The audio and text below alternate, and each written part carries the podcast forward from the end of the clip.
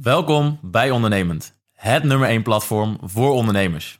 Bij Ondernemend vind je alles om jezelf naar het volgende niveau te brengen en jouw bedrijf te starten of op te schalen.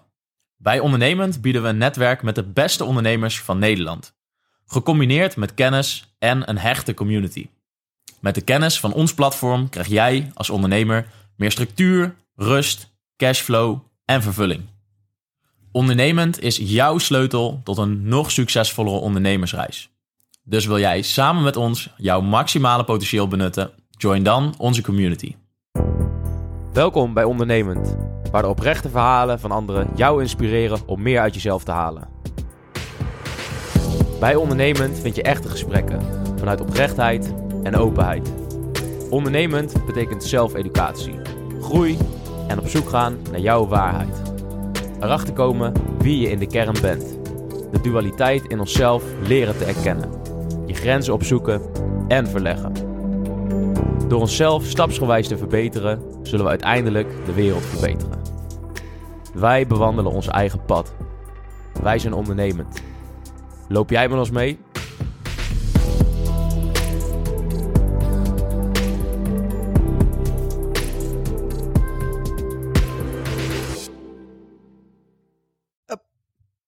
Welkom bij een nieuwe aflevering van Ondernemend de podcast. Ik ben David Wundering, ik zit hier samen met Cheert Schoorn en Tom Berendsen. Yes. En vanavond gaan we het gezellig hebben over investeren en beleggen.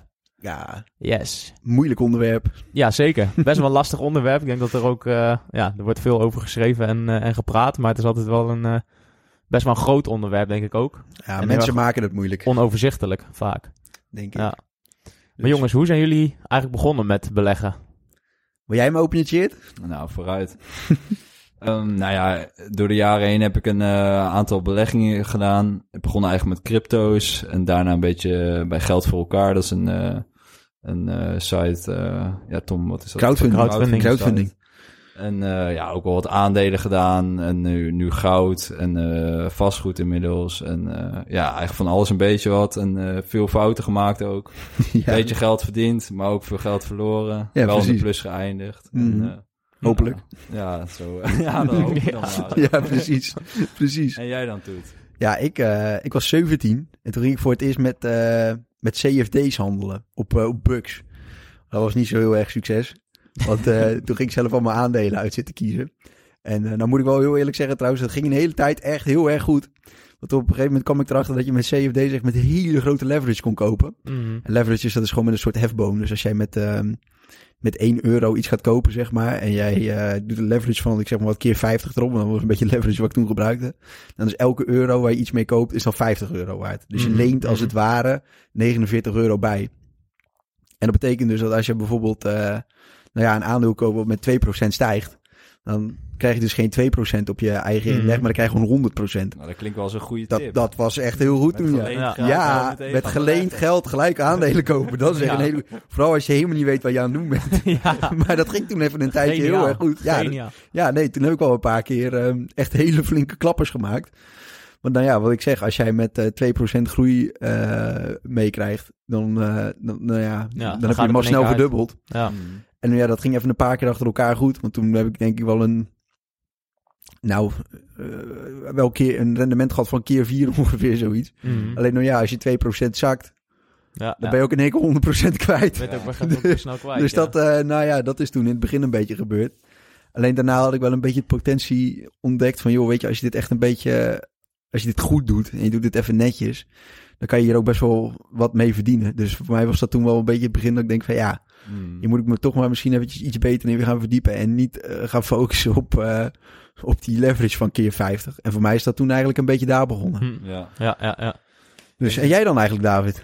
Ja, ja, bij mij ja, moet ik even goed nadenken hoe dat eigenlijk begonnen is. Op een gegeven moment, ja, weet ik niet, gewoon vanuit een bepaalde interesse denk ik. Dat je gewoon denkt van ja, ik, eh, ik, wil, gewoon- ik wil iets met geld doen. Ik, wil, eh, ik vind het gewoon interessant om te weten hoe het werkt eigenlijk. En Mhm. ik, eh, ik, ik vind het leuk om, om ermee bezig te zijn. Dus ja, ik weet eigenlijk niet eens meer helemaal precies wat de, wat de eerste, stap was, ja, volgens mij heb ik eerst, eh, eerst gewoon een eh, account opgemaakt, eh, aangemaakt op Bink. En toen ben ik daar gewoon individuele aandelen gaan kopen, zeg maar. Mhm. Dat was een beetje het begin. En toen ging ik me er verder in verdiepen. En toen op een gegeven moment dacht ik van, nou, ik ga ETF's kopen. Want ja, ik, ik, ik heb niet echt de illusie dat ik, dat ik zelf nou de beste aandelen kan uitzoeken. Of dat ik alles erover weet. Dus ik ga gewoon de hele markt volgen. En zo is dat een beetje verder gegaan, de interesse. En ja, toen Hoe lang is dat nou geleden eigenlijk dat je daar een beetje mee bent begonnen? Ehm, ik, ja, ik denk een jaartje of twee of zo, denk ik. Mhm. Oké, en je zegt dan van, joh, weet je, op een gegeven moment kom je erachter dat die eigen aandelen uitkiezen, dat is eigenlijk niks. Mhm. Maar hoe verdiep je dan? Hoe kom je er eigenlijk achter dat je op een gegeven moment iets aan het doen bent wat helemaal niet werkt? Ja, weet je, het werkte op zich wel. Alleen ik had meer zoiets van, ja, ik, ik wil eigenlijk iets doen eh, wat, wat, ja, waarin je, waarin je niet eigenlijk altijd ermee bezig hoeft te zijn. En, en waarin je dat meer kan automatiseren, zeg maar. Dus ik wil meer een geautomatiseerde strategie. En ik had wel het idee van, nou ja, ik kan wel leuk aandelen uitkiezen omdat ik die gewoon interessant vind, dat soort dingen. Maar ik had nou niet echt, ik vind het heel interessant beleggen. Alleen ik had nog niet echt de, het gevoel van, nou, ik ga echt elk bedrijf individueel helemaal bekijken. En eh, ja, de, de cijfers doornemen en, eh, en de jaarrekening en, eh, en alle stukken. En dan, en dan ga ik op basis daarvan een paar bedrijven kiezen. Dus toen ben ik me er meer in gaan verdiepen. En dat is met name gewoon boeken lezen, zeg maar, erover. En op die manier, eh, ja, kristalliseer je natuurlijk je strategie steeds verder uit. En dat, dat is nu nog steeds niet, eh, niet perfect, zeg maar. Maar je, je komt wel telkens een stapje verder. Hmm. Dus als je maar gewoon die eerste, eh, ja. En welke boeken lees je dan? Ehm, de Intelligente Belegger ook gelezen. Eh, Money Master the Game van, eh, van Tony Robbins, bijvoorbeeld. Ja, dat soort boeken. Dat Beleg voor dummies. pillen. Dat Ja. zijn nog wel... eh Beleg voor Dummies ja, natuurlijk. je hebt nog een makkelijke aanrader voor de luisteraar. Want als je de intelligente ja. belegger moet lezen, dat is nog wel een... dat is wel een lastige. als je ja. daarmee gelijk moet beginnen. Eh, Rijke Pa, Arme Pa. Mhm. Is, eigenlijk ook, is eigenlijk ook gewoon heel goed. Ja, eigenlijk dat soort boeken die gewoon echt heel puur om de basics gaan. Van niet per se moet je in beleggen, maar wel waarom zou je überhaupt beleggen? Wat is het belang ervan? En op welke manier, zeg maar. Dus dat, dat is wel echt heel, eh, vond ik wel heel waardevol. Dat je door dat soort Mhm. boeken echt die, die basis leert begrijpen van ja, ja wat, wat is geld nou precies? Hoe, hoe kun je ermee omgaan? En hoe kun je nou het verschil maken? En ja, dat is dus, ja, Rijke Pa, Arme Pa, de rijkste man van Babylon. Hebben jullie volgens mij ook gelezen. Ja, Ja. absoluut. Ja, dat zijn gewoon super mooie basisprincipes waar je gewoon op verder kan bouwen. En hoe je het dan doet, ja, dat, dat, doet, er- ja, dat doet er eigenlijk niet zo heel veel toe, wil ik eigenlijk zeggen. Als je het maar doet. Als je het maar doet, inderdaad. En als je maar begint, Ik dat is Ik hoorde je eigenlijk... net eigenlijk zeggen van, eh, ja, waarom zou je eigenlijk beleggen? Mhm. Maar eh, ja, wij drie zijn nou eigenlijk een beetje redelijk natuurlijk begonnen met beleggen. Eigenlijk eh, een beetje aangetrokken erdoor. Maar waarom, als, als je als luisteraar nu luistert en, en, Mhm. en je denkt van ja, nou allemaal hartstikke leuk dat beleggen en eh, geld verdienen is natuurlijk leuk. Maar waarom is het eigenlijk zo essentieel dat, dat je gaat beleggen? Mhm. Ja, ik denk dat, dat best veel mensen nu een beetje met het, eh, sowieso met het thema zitten van, eh, van ja, wat, wat doe ik met mijn geld? Of wat moet ik doen met mijn geld? Gewoon omdat de spaarrentes zo laag zijn. Dus ik spreek best veel mensen die gewoon zeggen van ja, ja, mijn geld staat op de spaarrekening, maar eigenlijk wil ik er iets mee doen. En daar komt ook wel vaak een beetje de, de, de, de, de urgency vandaan om iets te gaan doen. Ja. Weet Ja. je wat ik ook een beetje denk? Hè? Ik, waarom, waarom ik het zou doen en ook waarom ik het mensen zou adviseren. Ik sprak laatst iemand. En eh, die was op het werk, aan het werk eh, in een groothandelscentrum waar wij altijd komen met de zaak. En eh, die vrouw die had dan ook een uitspraak en die zegt van ja, als ik een miljonair thuis had zitten, hè, dan had ik hier nou echt niet gestaan. Mhm. En ik denk eigenlijk hè, dat je ook gewoon puur eh, gewoon onafhankelijk, nou ja, moet zijn. Klinkt misschien een beetje eh, niet helemaal hoe ik het bedoel, Mhm, maar dat je mhm. gewoon, als je het kan, Ja. dat je gewoon financieel onafhankelijk bent, zodat je gewoon zelf kan beslissen wat je doet met je dag. Ja. Mm. Want Ja. hoe erg is het wel niet eigenlijk als je gewoon op zo'n groothandelscentrum moet staan ja. en je hebt er helemaal geen zin in? Mhm. Ja. Ja, dat is wel een mooie uitspraak van die vrouw inderdaad. Ja, precies. precies. Nee, maar dat denk ik ook. Kijk, weet je, als Ja. jij gewoon iedere maand, nou ja, tenminste genoeg geld op je rekening hebt staan, Mhm. dat je er gewoon van kan leven zonder dat Ja. je daar zelf iets van hoeft te doen. Dan kan je ook echt iets gaan doen waar je zelf echt gewoon Ja, ja. voldoening van krijgt. Eigenlijk zeg je een beetje van, eh, eigenlijk beleggen is een manier om, eh, om bijvoorbeeld financieel vrij te worden of in ieder geval een bepaalde onafhankelijkheid te krijgen. Ja, precies. Ja. En dan kan je zelf gaan bepalen wat je doet met je dag. Ja. Maar bijvoorbeeld, je kan zeggen van ja, weet je, sommige mensen die willen misschien de hele dagen reizen. Nou ja, dat kan. Dat kan dat je dat echt heel Mhm. erg leuk vindt. Nou ja, hoe fijn is het wel niet als je je dan geen zorgen hoeft te maken over hoeveel geld je Ja, een keer op de rekening hebt staan. Nee, Ja. Dus eigenlijk koop je, koop je eigenlijk je vrijheid. eigenlijk In een wel. bepaalde zin. Ja, Eigenlijk wel. ja, en hoe ja. sterk is het eigenlijk ook wel niet dat je helemaal niet afhankelijk bent van je baan? Mhm. Dat zo- zo'n Mhm. zo'n meisje die op, die, eh, op dat groothandelscentrum gewoon tegen de baas kan zeggen van... joh, weet je, ik heb er geen zin meer in. Mhm. Ik, ga lekker, eh, ik ga lekker wat anders doen. Mhm. donder me lekker op. Ja. maar ja, dan, ja, dan kom je eigenlijk ook meteen heel erg bij de essentie, zeg maar. Dat, eh, want we hebben ook een paar dingen genoteerd en de, dat is er ook één van. Van ja, waarom zou je gaan beleggen? Uit, uiteindelijk, helemaal eh, zeg maar eh, als achterliggende gedachte, uiteindelijk doe je het niet voor het geld, maar doe je om, ja, doe je eigenlijk voor wat het geld teweeg kan brengen. Dus, dus dat stukje vrijheid of dat stukje gevoel van vrijheid in ieder geval. Mhm. En, en de emoties die erbij horen. Dus ja, je, je hebt inderdaad meer, meer gevoel van vrijheid, van zekerheid. Ja, gewoon een bepaalde rust die het met zich meebrengt. En, en, en daar zit denk ik inderdaad uh, de belangrijkste reden. Dat, dat beleggen is wel een manier waarop je gewoon heel uh, zeker en uh, op een hele rustige manier iets kan opbouwen. Ook met weinig geld over een aantal jaar gezien. Ik durf eigenlijk wel te zeggen, als je gewoon een horizon hebt van 10 jaar, laten we heel lang zeggen 15 jaar, Mm. en je leeft gewoon een beetje zuinig aan, Mm. dan denk ik dat iedereen genoeg kan opbouwen Mm. om echt voor een heel, heel, heel groot gedeelte Ja. gewoon echt financieel onafhankelijk te zijn. Ja, voor een, of in ieder geval inderdaad niet, misschien niet compleet onafhankelijk, maar in ieder geval veilig, zeg maar. Ja, dat stel dat je, dat je volledige inkomsten weg zouden vallen, dan kun je in ieder geval nog de, de, de, ja, de bare necessities, zeg maar. Dus dan zou je nog kunnen eten en dan heb je nog onderdak, bij wijze Ja, van spreken. Als je die twee dingen alles hebt, ja, dan ben je, dan ben je toch in principe al, sta je toch zoveel zekerder in je schoenen met alles wat je doet. Ja, precies. Dat je, een, ja, je creëert natuurlijk een hele vrije positie voor jezelf.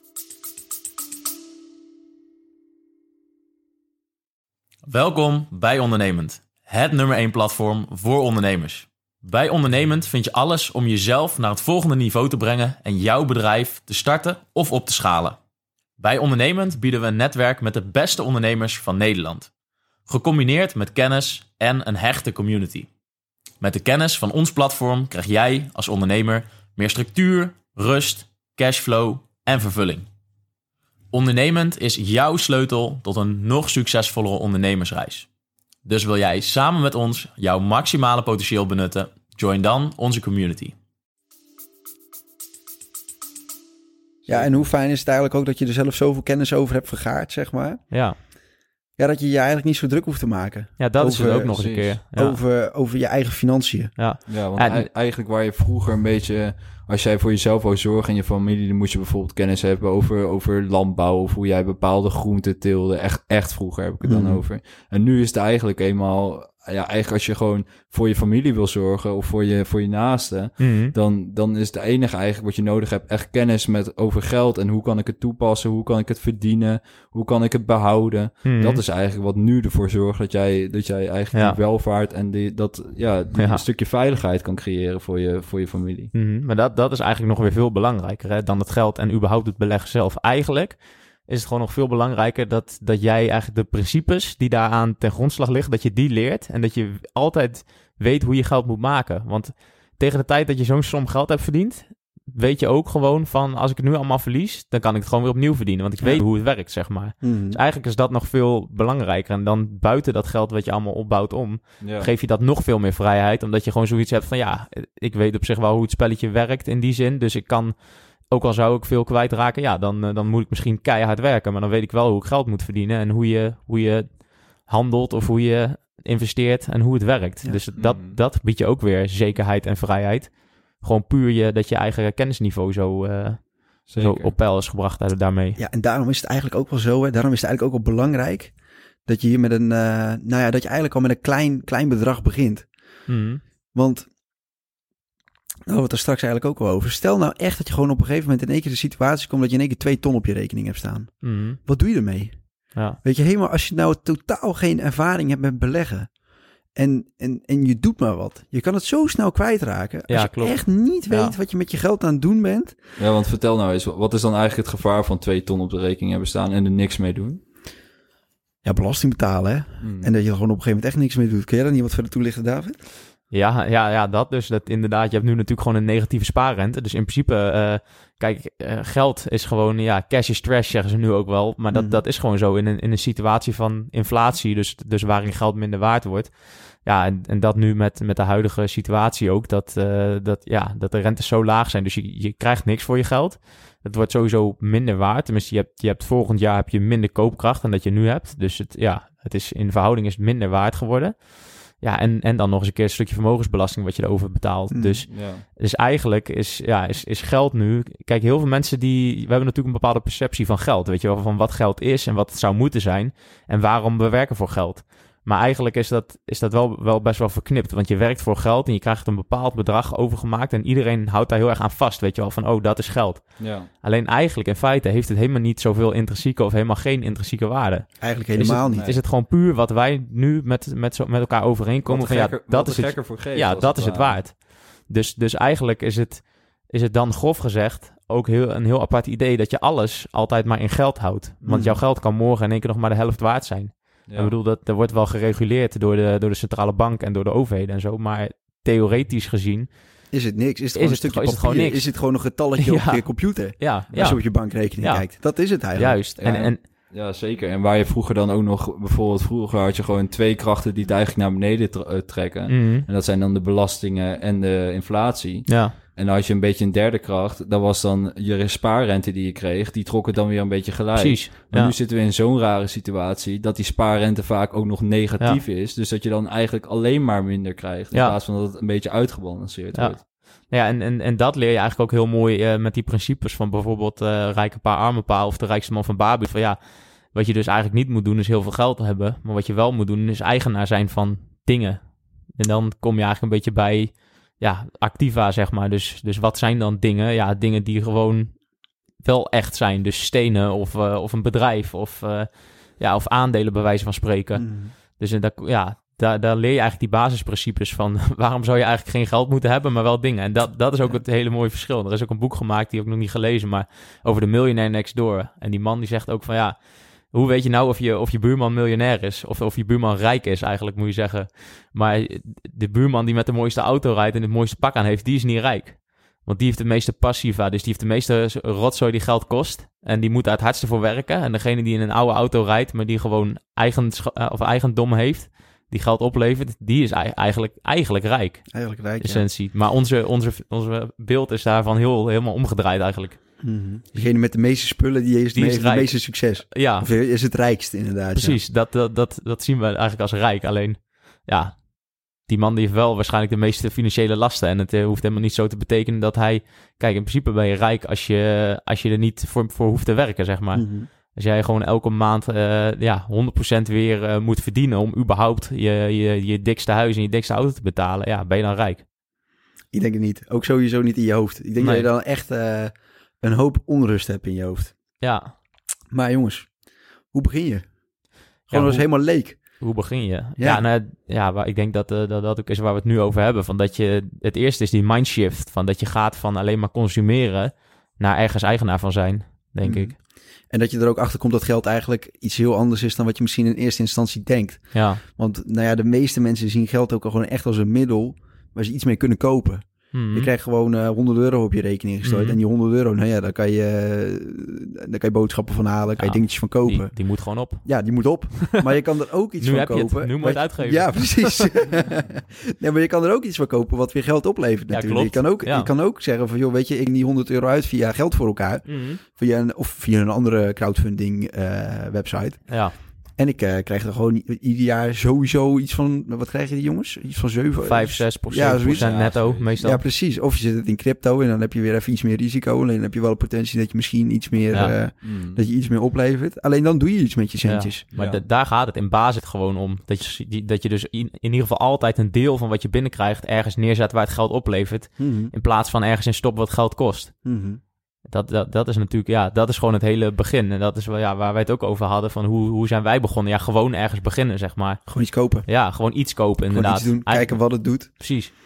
Precies. Een beetje pootje baden en gewoon kijken van... oh, als ik dit doe, dan gebeurt er dit. Of oh, dit was misschien toch niet handig. Of eh, ja, hier en daar wel een, een goede fout maken natuurlijk. Ja. Mhm.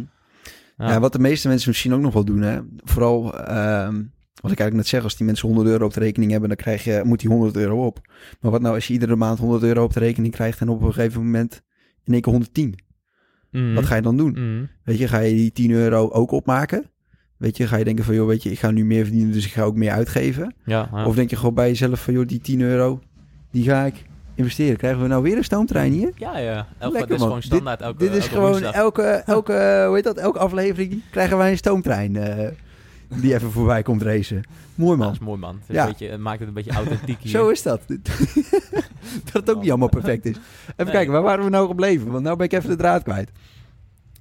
Nou, Ja, dat goed. je dus eigenlijk van consumeren naar, naar investeren moet Ja. gaan. En dat, het, dat is eigenlijk de belangrijkste stap. Gewoon in plaats van dat je gaat kijken Mhm. van... waar kan ik mijn geld zo snel mogelijk gaan uitgeven? Bijvoorbeeld een nieuwe koptelefoon kopen die net iets beter is dan de oude... of een nieuwe telefoon Ja. kopen die net iets beter is. Dat je gaat kijken van, ja, wat zijn nou dingen... waar Ja. ik mijn geld in kan stoppen... En waar ik dan de volgende maand misschien wel extra geld van terugkrijg. Dat is Mhm. eigenlijk gewoon de eerste stap. Ja, En dat ja. hoeft helemaal niet met grote bedragen te zijn. Nee, Weet precies. je, en, en dat is ook, ook precies wat je zegt. Dat vind ik wel heel mooi. Want bij heel veel uitgaven is het ook gewoon, ook gewoon zo van... ja, kijk daar nou eens naar zo'n uitgave... en word je er nou echt, echt beter of gelukkiger van? Ja. Ik bedoel, je koopt nu een, eh, een, een nieuwe koptelefoon. Kijk, bijvoorbeeld, ja, als je helemaal gek van, bent van muziek... en dat is echt je hobby, nou oké. maar ik bedoel, je koopt nu een, eh, deze week een nieuwe broek... of een nieuwe schoenen of een nieuwe koptelefoon. Ik bedoel, en is, daar, is morgen of overmorgen of volgende week... is je leven er dan door veranderd? Mhm. Heb je dan een s- significant beter gevoel over je leven of over jezelf? Meestal, En meestal niet. meestal met spullen tenminste. Met Met spullen, inderdaad. Ik heb altijd wel, hè, want ik had op een gegeven moment dan echt... als je hier net een beetje mee aan de gang gaat... Ja. en je hebt elke maand die 100 euro op je rekening... dan denk je, die volle 100 euro... die ga ik allemaal in aandelen. Ja, en ja, die, ja, die ga ik alles. volle bak beleggen. en als mensen komen... We gaan eten, flikker me lekker op. Ik ga niet eten. Die 10 Ja. euro, die, die 100 euro voor dat eten, dat is over 10 jaar, hè? Dat is echt veel meer dan die 100 euro. Ja. Maar daar moet je ook van afzien. Ja. Het is niet zo dat je met al die, eh, nou ja, dat je al het geld wat je altijd maar hebt, dat je dat, eh, dat je dat altijd maar moet beleggen. Je moet wel een gezonde, Nee, je moet wel Mm. gezond blijven. gezonde balans houden. belangrijk is dat je gewoon bijvoorbeeld van één maand gaat kijken... wat heb ik allemaal uitgegeven? En dat je gewoon voor jezelf gaat kijken van... nou, ja, wat, wat zou minder kunnen? Waar kan ik eventueel wat op bezuinigen en wat geld aan overhouden? Mhm. En dat je daar gewoon gaat beginnen. En, niet, en dat je gewoon je belangrijkste dingen... natuurlijk, daar kan je gewoon prima geld aan uitgeven. Ja. Maar gewoon, je hebt ook een hele hoop dingen dat je denkt van... ja, Ja. had ik Ja. dat nou moeten kopen? Ja. En dat, dat zijn de uitgaven, daar, ja, daar kan je op bezuinigen. En daar kan je dus Mhm. ook geld op gaan verdienen. Ik heb het meestal altijd met spullen. ja, Ja. Spullen zijn altijd gewoon, al- eigenlijk bijna altijd dat ik denk van ja, dat was eigenlijk niet nodig. Nee. Mhm. Maar zoals ervaringen, zoals echt een keertje gewoon met, met ja, ook tot op zekere hoogte natuurlijk, maar gewoon een keertje wat met, met, met vrienden wat eten of met vrienden op vakantie. Mhm. Gewoon echt dingen doen waar je echt gewoon, nou ja, nog heel lang een herinnering aan hebt. Dat vind ik altijd wel heel belangrijk en daar doe ik ook echt absoluut niet zuinig op. Nee. Nee. Als jij, Daar moet je ook gewoon naar kijken van gaat, gaat dit idee of deze ervaring of dit product Hmm. mij echt heel veel verbetering brengen in mijn leven? Mhm. Kijk, dan, dan moet je het kopen. Ja. Mhm. Maar als je Ja. kijkt en je denkt van ja, ja, het is leuk, maar ja, nou ja, ni- niet veel bijzonders, Nee. dan moet je het gewoon niet doen. Want Nee, ik bedoel, dan, je moet ook gewoon nee kunnen zeggen. Ook bijvoorbeeld soms dan ga je, stel je voor je gaat een keer met mensen eh, stappen of iets die je heel lang niet hebt gesproken, waar je eigenlijk al van weet van ja, ik weet al hoe de avond gaat lopen. Ja, dat zijn dingen waar je wel eens een keer nee tegen kan zeggen. Ik moet je Mhm. niet altijd doen natuurlijk, want dan als word je ook ieder weekend, als je echt ieder weekend gaat ja, stappen. als je ieder weekend gaat stappen, Ja. kan je best een keer nee zeggen, weet Mhm. je wel. Dat zijn van die kleine dingetjes. Mhm. Maar daar moet je denk ik gewoon echt naar kijken. En inderdaad gewoon niet bezuinigen op wel de dingen die wel Ja. echt die ervaring geven. Want dat zijn wel, daar Ja. groei je dan ook weer van. Ja, maar je kunt al best wel snel gewoon best wel veel besparen zonder dat je levenskwaliteit eigenlijk echt op achteruit gaat. Wel. Ja. Weet je?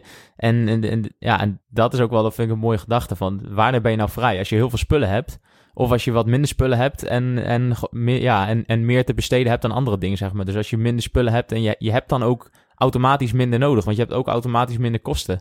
Dus zolang je maar blijft investeren in allerlei spullen, heb je altijd een heel erg hoog bestedingspatroon en heb je ook veel meer nodig om überhaupt vrij te worden, want je hebt Zeker. veel meer. Ja. Dus En als je maar elke keer die spullen blijft halen, dan, dan hou je er ook niet heel veel extra waarde uit. Ik bedoel, nee. Als je elke week nieuwe dingen binnenkrijgt, dan, is het, ja, dan, dan is, geeft het niks Mhm. extra's. Maar als je dan bijvoorbeeld heel af en toe maar een keer echt iets leuks koopt, zeg maar iets gewoon qua spul dan, dan, Ja. dan is het ook echt in één keer dat je denkt van, oh, dit is echt een keer leuk. Dan is Ja, dan ja. eigenlijk al die waarden die je zeg maar eh, elke keer een heel klein beetje zou krijgen, krijg je dan in één keer. Dus ja, het hoeft helemaal niet zo te zijn dat je allemaal, dat je continu maar uit blijft geven. Ik heb nog wel een voorbeeld.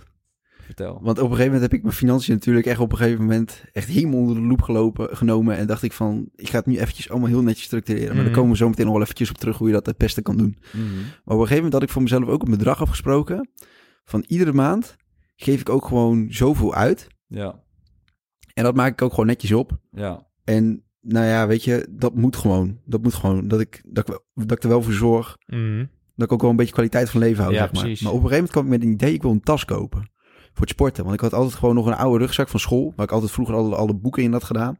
En ik ging dan regelmatig naar de sportschool. En omdat ik dan was had of schoenen en dat soort dingen allemaal. Zeg maar, dan was die tas eigenlijk te klein. Dus op een gegeven moment had ik een e-spec gevonden. Gewoon een tas van, van eh, was volgens mij 36 of 40 euro of zo, zoiets. Alleen als ik dat ding zou willen kopen van die rekening, dan, ik wel een beetje, dan moest ik met de rest allemaal wel een beetje opletten, zeg maar. Want 40 euro, dat werd al wel op dat andere bedrag in één keer eh, een hoop. Mm. En toen op een gegeven moment, dan eh, halverwege de maand, kom je een beetje met dat idee. En dan denk je van, oké, ik moet nou echt even een beetje, een beetje op gaan letten. Anders kan ik die tas niet betalen. En aan het einde van de maand hou je 40 euro over. En dan kan je die tas kopen. Mm. Maar daar heb ik het nu nog steeds over. En dat is al meer dan een jaar geleden. En ik heb ook nog steeds, heb ik de hele tijd echt gewoon plezier van die tas. Ja, Maar vroeger Hmm. had ik gewoon een hele bult geld op die rekening staan. dan kocht je die tas gewoon. Kocht die tas bij na gewoon. te denken. Kocht die tas gewoon. Ik van, nou ja, ik heb de tas nodig, dus dan koop ik dat ding. Ja, klaar. Alleen, dat maakt het allemaal ook gewoon een heel stuk minder speciaal. Ja. Het is echt als je gewoon alles maar gewoon de hele tijd koopt. En gewoon de hele tijd denkt van, ach ja, ik moet een tas hebben. Nou ja, dan koop ik dat ding toch. Ja. Het is veel mooier als je echt gewoon alles gewoon strak gepland hebt. Dat je echt gewoon een Mhm. beetje voor jezelf besloten hebt van, dit geef ik hier aan uit. En dit moet ik van mezelf beleggen. ja, ja. Dan is het zo'n, ja... eh, Dat maakt het gewoon leuker. De Dat maakt het echt de leuk. uitgaven die je doet, worden ja, de uitgaven die je doet, die worden echt gewoon bewust. En dat je echt gewoon een bewuste keuze maakt van, ja, weet je, dit wil ik hebben. Ja, maar Mhm. het is ook gewoon leuk omdat je gewoon wel weet dat je gewoon elke maand echt een flink bedrag overhoudt. Hmm. Dus als je dan een keer een uitgave doet, dan weet je dat ook niet uitmaakt. Want je, je bent gewoon lekker op weg. Dat is gewoon het fijne als je ja, wel ja, ja. dat overzicht in je uitgavenpatroon hebt. Ja. Precies, precies. En dat, dat is ook wel eh, inderdaad eh, mooi wat je doet. Dat je eigenlijk automatiseer je het al gewoon helemaal. Want je zegt gewoon van nou, dit komt er binnen. Dit is mijn, eh, ja, mijn, eh, mijn droompotje, zeg maar. Dus dit moet, dit moet weg. Daar ga ik leuke dingen mee doen. En dit gaat naar de beleggingsrekening. En dat, dus eerst naar je beleggingsrekening en dan kijken wat er overblijft. In plaats van andersom, zeg maar. Mijn ouders die zeggen altijd dat ik een hele goede klant ben van de ING. Ja, Want ik heb wel zoveel pinpas, jongen. Dat slaat echt ook gewoon helemaal nergens op. Maar bij ik elk heb wel- type rekening. Ja, bij elke type rekening. Ik heb heel veel, eh, ik heb heel veel betaalrekeningen bij de, Ja. bij de, bij de ING. Want ik heb dan één, eh, één betaalrekening, er komt gewoon alles op binnen. Daar komt mijn loon Mhm. op binnen en daar worden ook eigenlijk alle vaste lasten al gelijk vanaf betaald. En eh, daar komt zeg maar de hele rompslomp gewoon staat daar. Mhm. En vanaf daar wordt altijd alles verdeeld. Ik heb ik ook gewoon automatisch iedere maand. Wordt er een x bedrag over gemaakt naar mijn beleggingsrekening. Er wordt een x bedrag over gemaakt naar mijn crypto's. Ja, naar, ja. eh, naar Gold Republic wordt er ook de, wat over gemaakt, zeg maar, Hm. voor eh, goud en zilver. En ik heb dan ook nog die aparte betaalrekening waar ik echt alles van koop. Ja, dat is zeg maar die rekening wat ik net zeg. Dat, dat, dat bedrag wat daarop komt staan, op te staan, dat Mhm. moet op. Alleen dat brengt zoveel overzicht. Dat brengt zoveel, nou ja, dat je gewoon alles van tevoren al gepland hebt. Het is, Ja, dat is denk echt fijn, hè? Ja, dat is echt. Je hoeft er gewoon niet zo, over na te Je hoeft er denken. niet over na te denken. Want dat, dat is vaak het grootste probleem. Dat je gewoon, als je erover na moet gaan denken en je moet elke maand jezelf ertoe dwingen om, eh, ja, je te rekening te, maken. open, ja, de rekening te openen, een eh, order in te voeren, geld over te maken, dat soort dingen allemaal. Dat maakt de drempel weer veel hoger en dat maakt het Mm. weer veel makkelijker om het maar niet te doen of te vergeten, zeg maar. ja, precies. Ja. Terwijl het eigenlijk echt heel makkelijk te...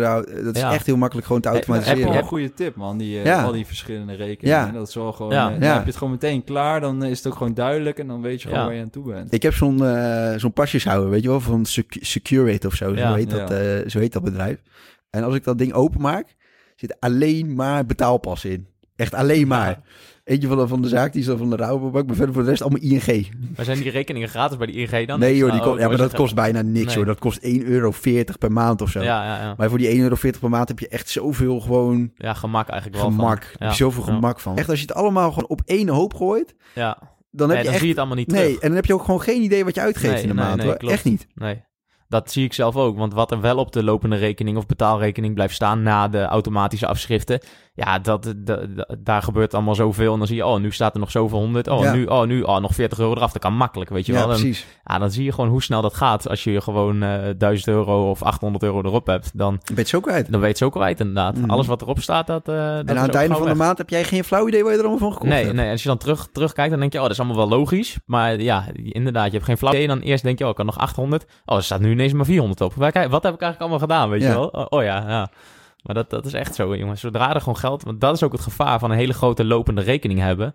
Dat is eigenlijk, ge- dat is eigenlijk gewoon, gewoon echt gevaarlijk. Want dan, de- ja, je je, denkt weet van, niet... oh, het kan niet op. En ik Ja. kan maar gaan. Ja, dat elke keer als je op de rekening kijkt, denk je, oh, chill, weet je wel. En dan, Ja. Maar als er nog maar 100 euro op staat, dan Ik ga denk je dat wel dat denken... oprecht wel een hele goede tip is voor mensen die misschien wel willen beginnen met beleggen. Ja, Weet je, open, open gewoon een beleggingsrekening. Kijk gewoon ergens bij een, eh, bij een ING doet dat beheerd beleggen. Mhm. Of jij, jij zegt dat je net bij Bink, of wat had je ook weer? Ja, bij Pink. Alleen dan, ja, nou goed. Ja, inderdaad. Je kunt gewoon eh, beheerd laten beleggen. En dan zou ik wel in, eh, in index laten doen. Mhm. En als je dan nog verder wil, dan kun je dat eh, zelf doen met zelf beleggen. En dan kun je die indexfondsen ook automatisch kopen. Dat scheelt je weer een hoop kosten. Maar om gewoon te beleggen en te beginnen zou ik eh, inderdaad Ja, en zeg gewoon, nou ja, het ligt een beetje aan wat je kan missen natuurlijk. Ja. Maar leg gewoon een keertje iedere maand 100 euro weg. Ja, Doe dat gewoon. met 50 of 100 Ja, of weet ik. 200 Ja, weet of je, 500 euro. Het maakt niet uit. Precies, maakt niet uit waar je mee begint als je maar begint.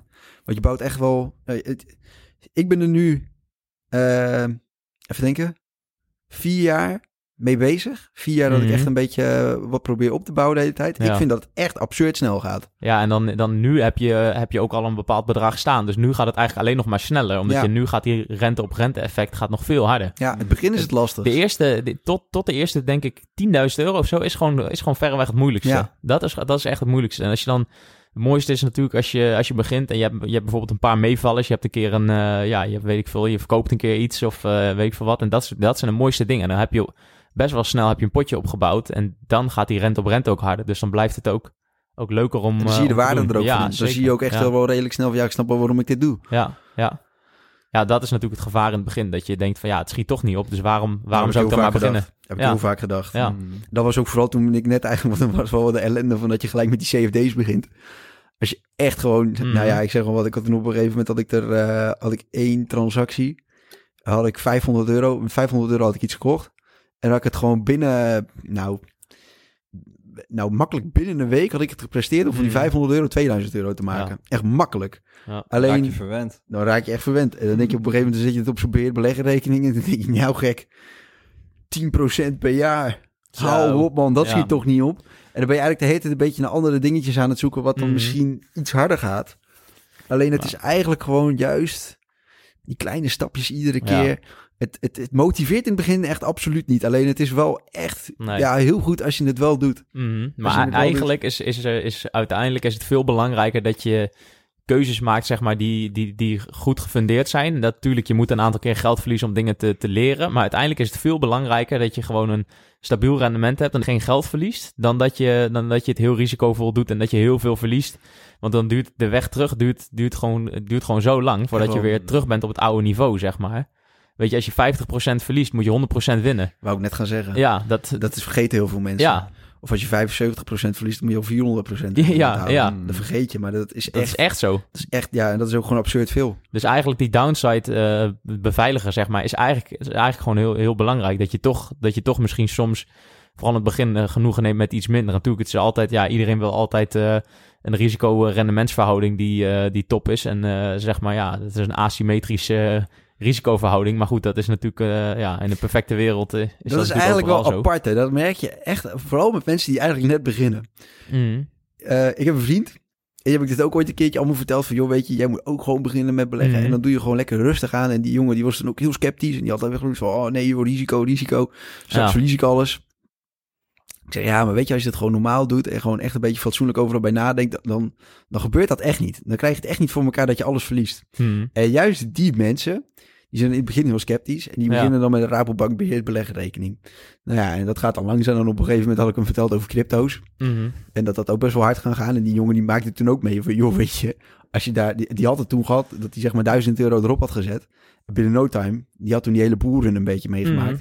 Dan was die 1000 euro in één keer, ik zeg maar wat 2500. Ja, ja, ja. en dat zijn eigenlijk juist de mensen die zijn daar heel vatbaar voor. Want die denken dan op een gegeven moment van, weet je, dat Rabobank beleggen, dat, dat schiet helemaal niet op. Ga ik helemaal niet meer doen. Ik ga gewoon volle bak met die crypto's aan. ja, ja, ja. En dat vind ik dan altijd wel bijzonder. In het begin zijn die mensen heel terughoudend en gelijk van, Ja. oh, nee. Ja, maar daarna Begin- worden ze hebberig. En daarna word je hebberig. Van, En dan denk je, denk je van, oh joh, dit kan veel harder. Ja, maar Hmm. dat is denk ik, daar ligt ook wel echt het gevaar momenteel van die crypto hoor. Dat mensen daar gewoon, gewoon face first induiken, zeg Ja. maar. Gewoon hier, ja, hier heb je mijn geld en eh the sky is the limit en eh, we Ja. kijken wel waar het schip strandt. En ja, dat, dat is wel, ik denk wel dat heel veel mensen zich daar eh, wel, wel lelijk bezeren in die zin dat ze gewoon, ja, En mensen, heel veel mensen die ook gewoon totaal geen strategie hebben van wanneer verkoop je. ja precies. Weet je? Ja, maar Ja. Het kan daarna ook een beetje twee kanten op gaan. Kijk, weet je, je kan natuurlijk heel erg... eh, Je kan heel veel geld daarna verliezen. En daarna kun je denken, oh, ik doe het nooit meer. En ik ga nooit meer ergens investeren. Ja. Maar je kan er ook de les uittrekken. In ieder geval wat ik dan in 2017 heb gedaan. Dan heb ik ook eerst heel veel geld verdiend.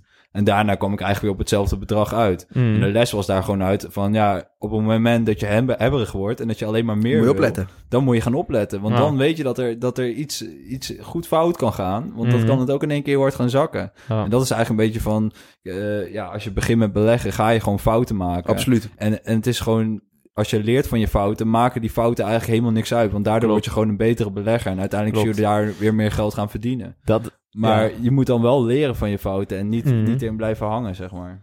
En Ja, ik denk dan- ook vooral dat de strategie echt wel belangrijk is. dat Ja, je wel zeker. een strategie Dat hebt, je wel ja. een strategie hebt. En Maar- dat kan al heel simpel zijn. Hè? Kijk, weet je, eh, voor bijvoorbeeld mijn strategie is, ik heb voor mezelf echt wel besloten van, oké, procentueel wil ik zoveel in, eh, in aandelen hebben, zoveel in vastgoed, zoveel in crypto's, Mhm. enzovoort, enzovoort. ja. En eh, bijvoorbeeld bij crypto's heb ik eigenlijk al heel vaak gehad. Ja, weet je, dat ik bijvoorbeeld verkocht heb vlak voor een, eh voor een boeren. En dat ik eigenlijk misschien te vroeg verkocht heb. Maar ik heb ook echt al een paar keer gehad dat ik echt op een heel goed moment verkocht heb. ja, wel winst genomen Ik heb ja. echt- lekkere momenten. Ja, je echt mij 100%. Ja, maar dat- ja. van jongen, je hebt echt een perfect moment. Ja, klopt. Ja, Maar maar, bij mij was het alleen gewoon- door, doordat je dus wel gewoon echt geherbalanceerd. Ja, dat jij wel kijk- naar je portfolio Ja, kijkt kijk, en weet je, denkt van... ik zeg gewoon van mijn totale vermogen wil ik niet meer gewoon dan 10% in die crypto's hebben. ja, Dus op het moment dat die crypto's echt gewoon keihard stijgen, ja, weet je, dan raakt dat uit balans. Dan wordt het meer dan, met 10, dan, dan Ja, die 10%. En dan weet je gewoon van, oké, weet je, nu is het tijd om het eventjes terug te brengen. Mhm. Nu is het tijd om, om het te verkopen. Maar Ja. daarentegen gebeurt het dus ook op het moment dat die, a- dat die crypto's echt keihard zakken.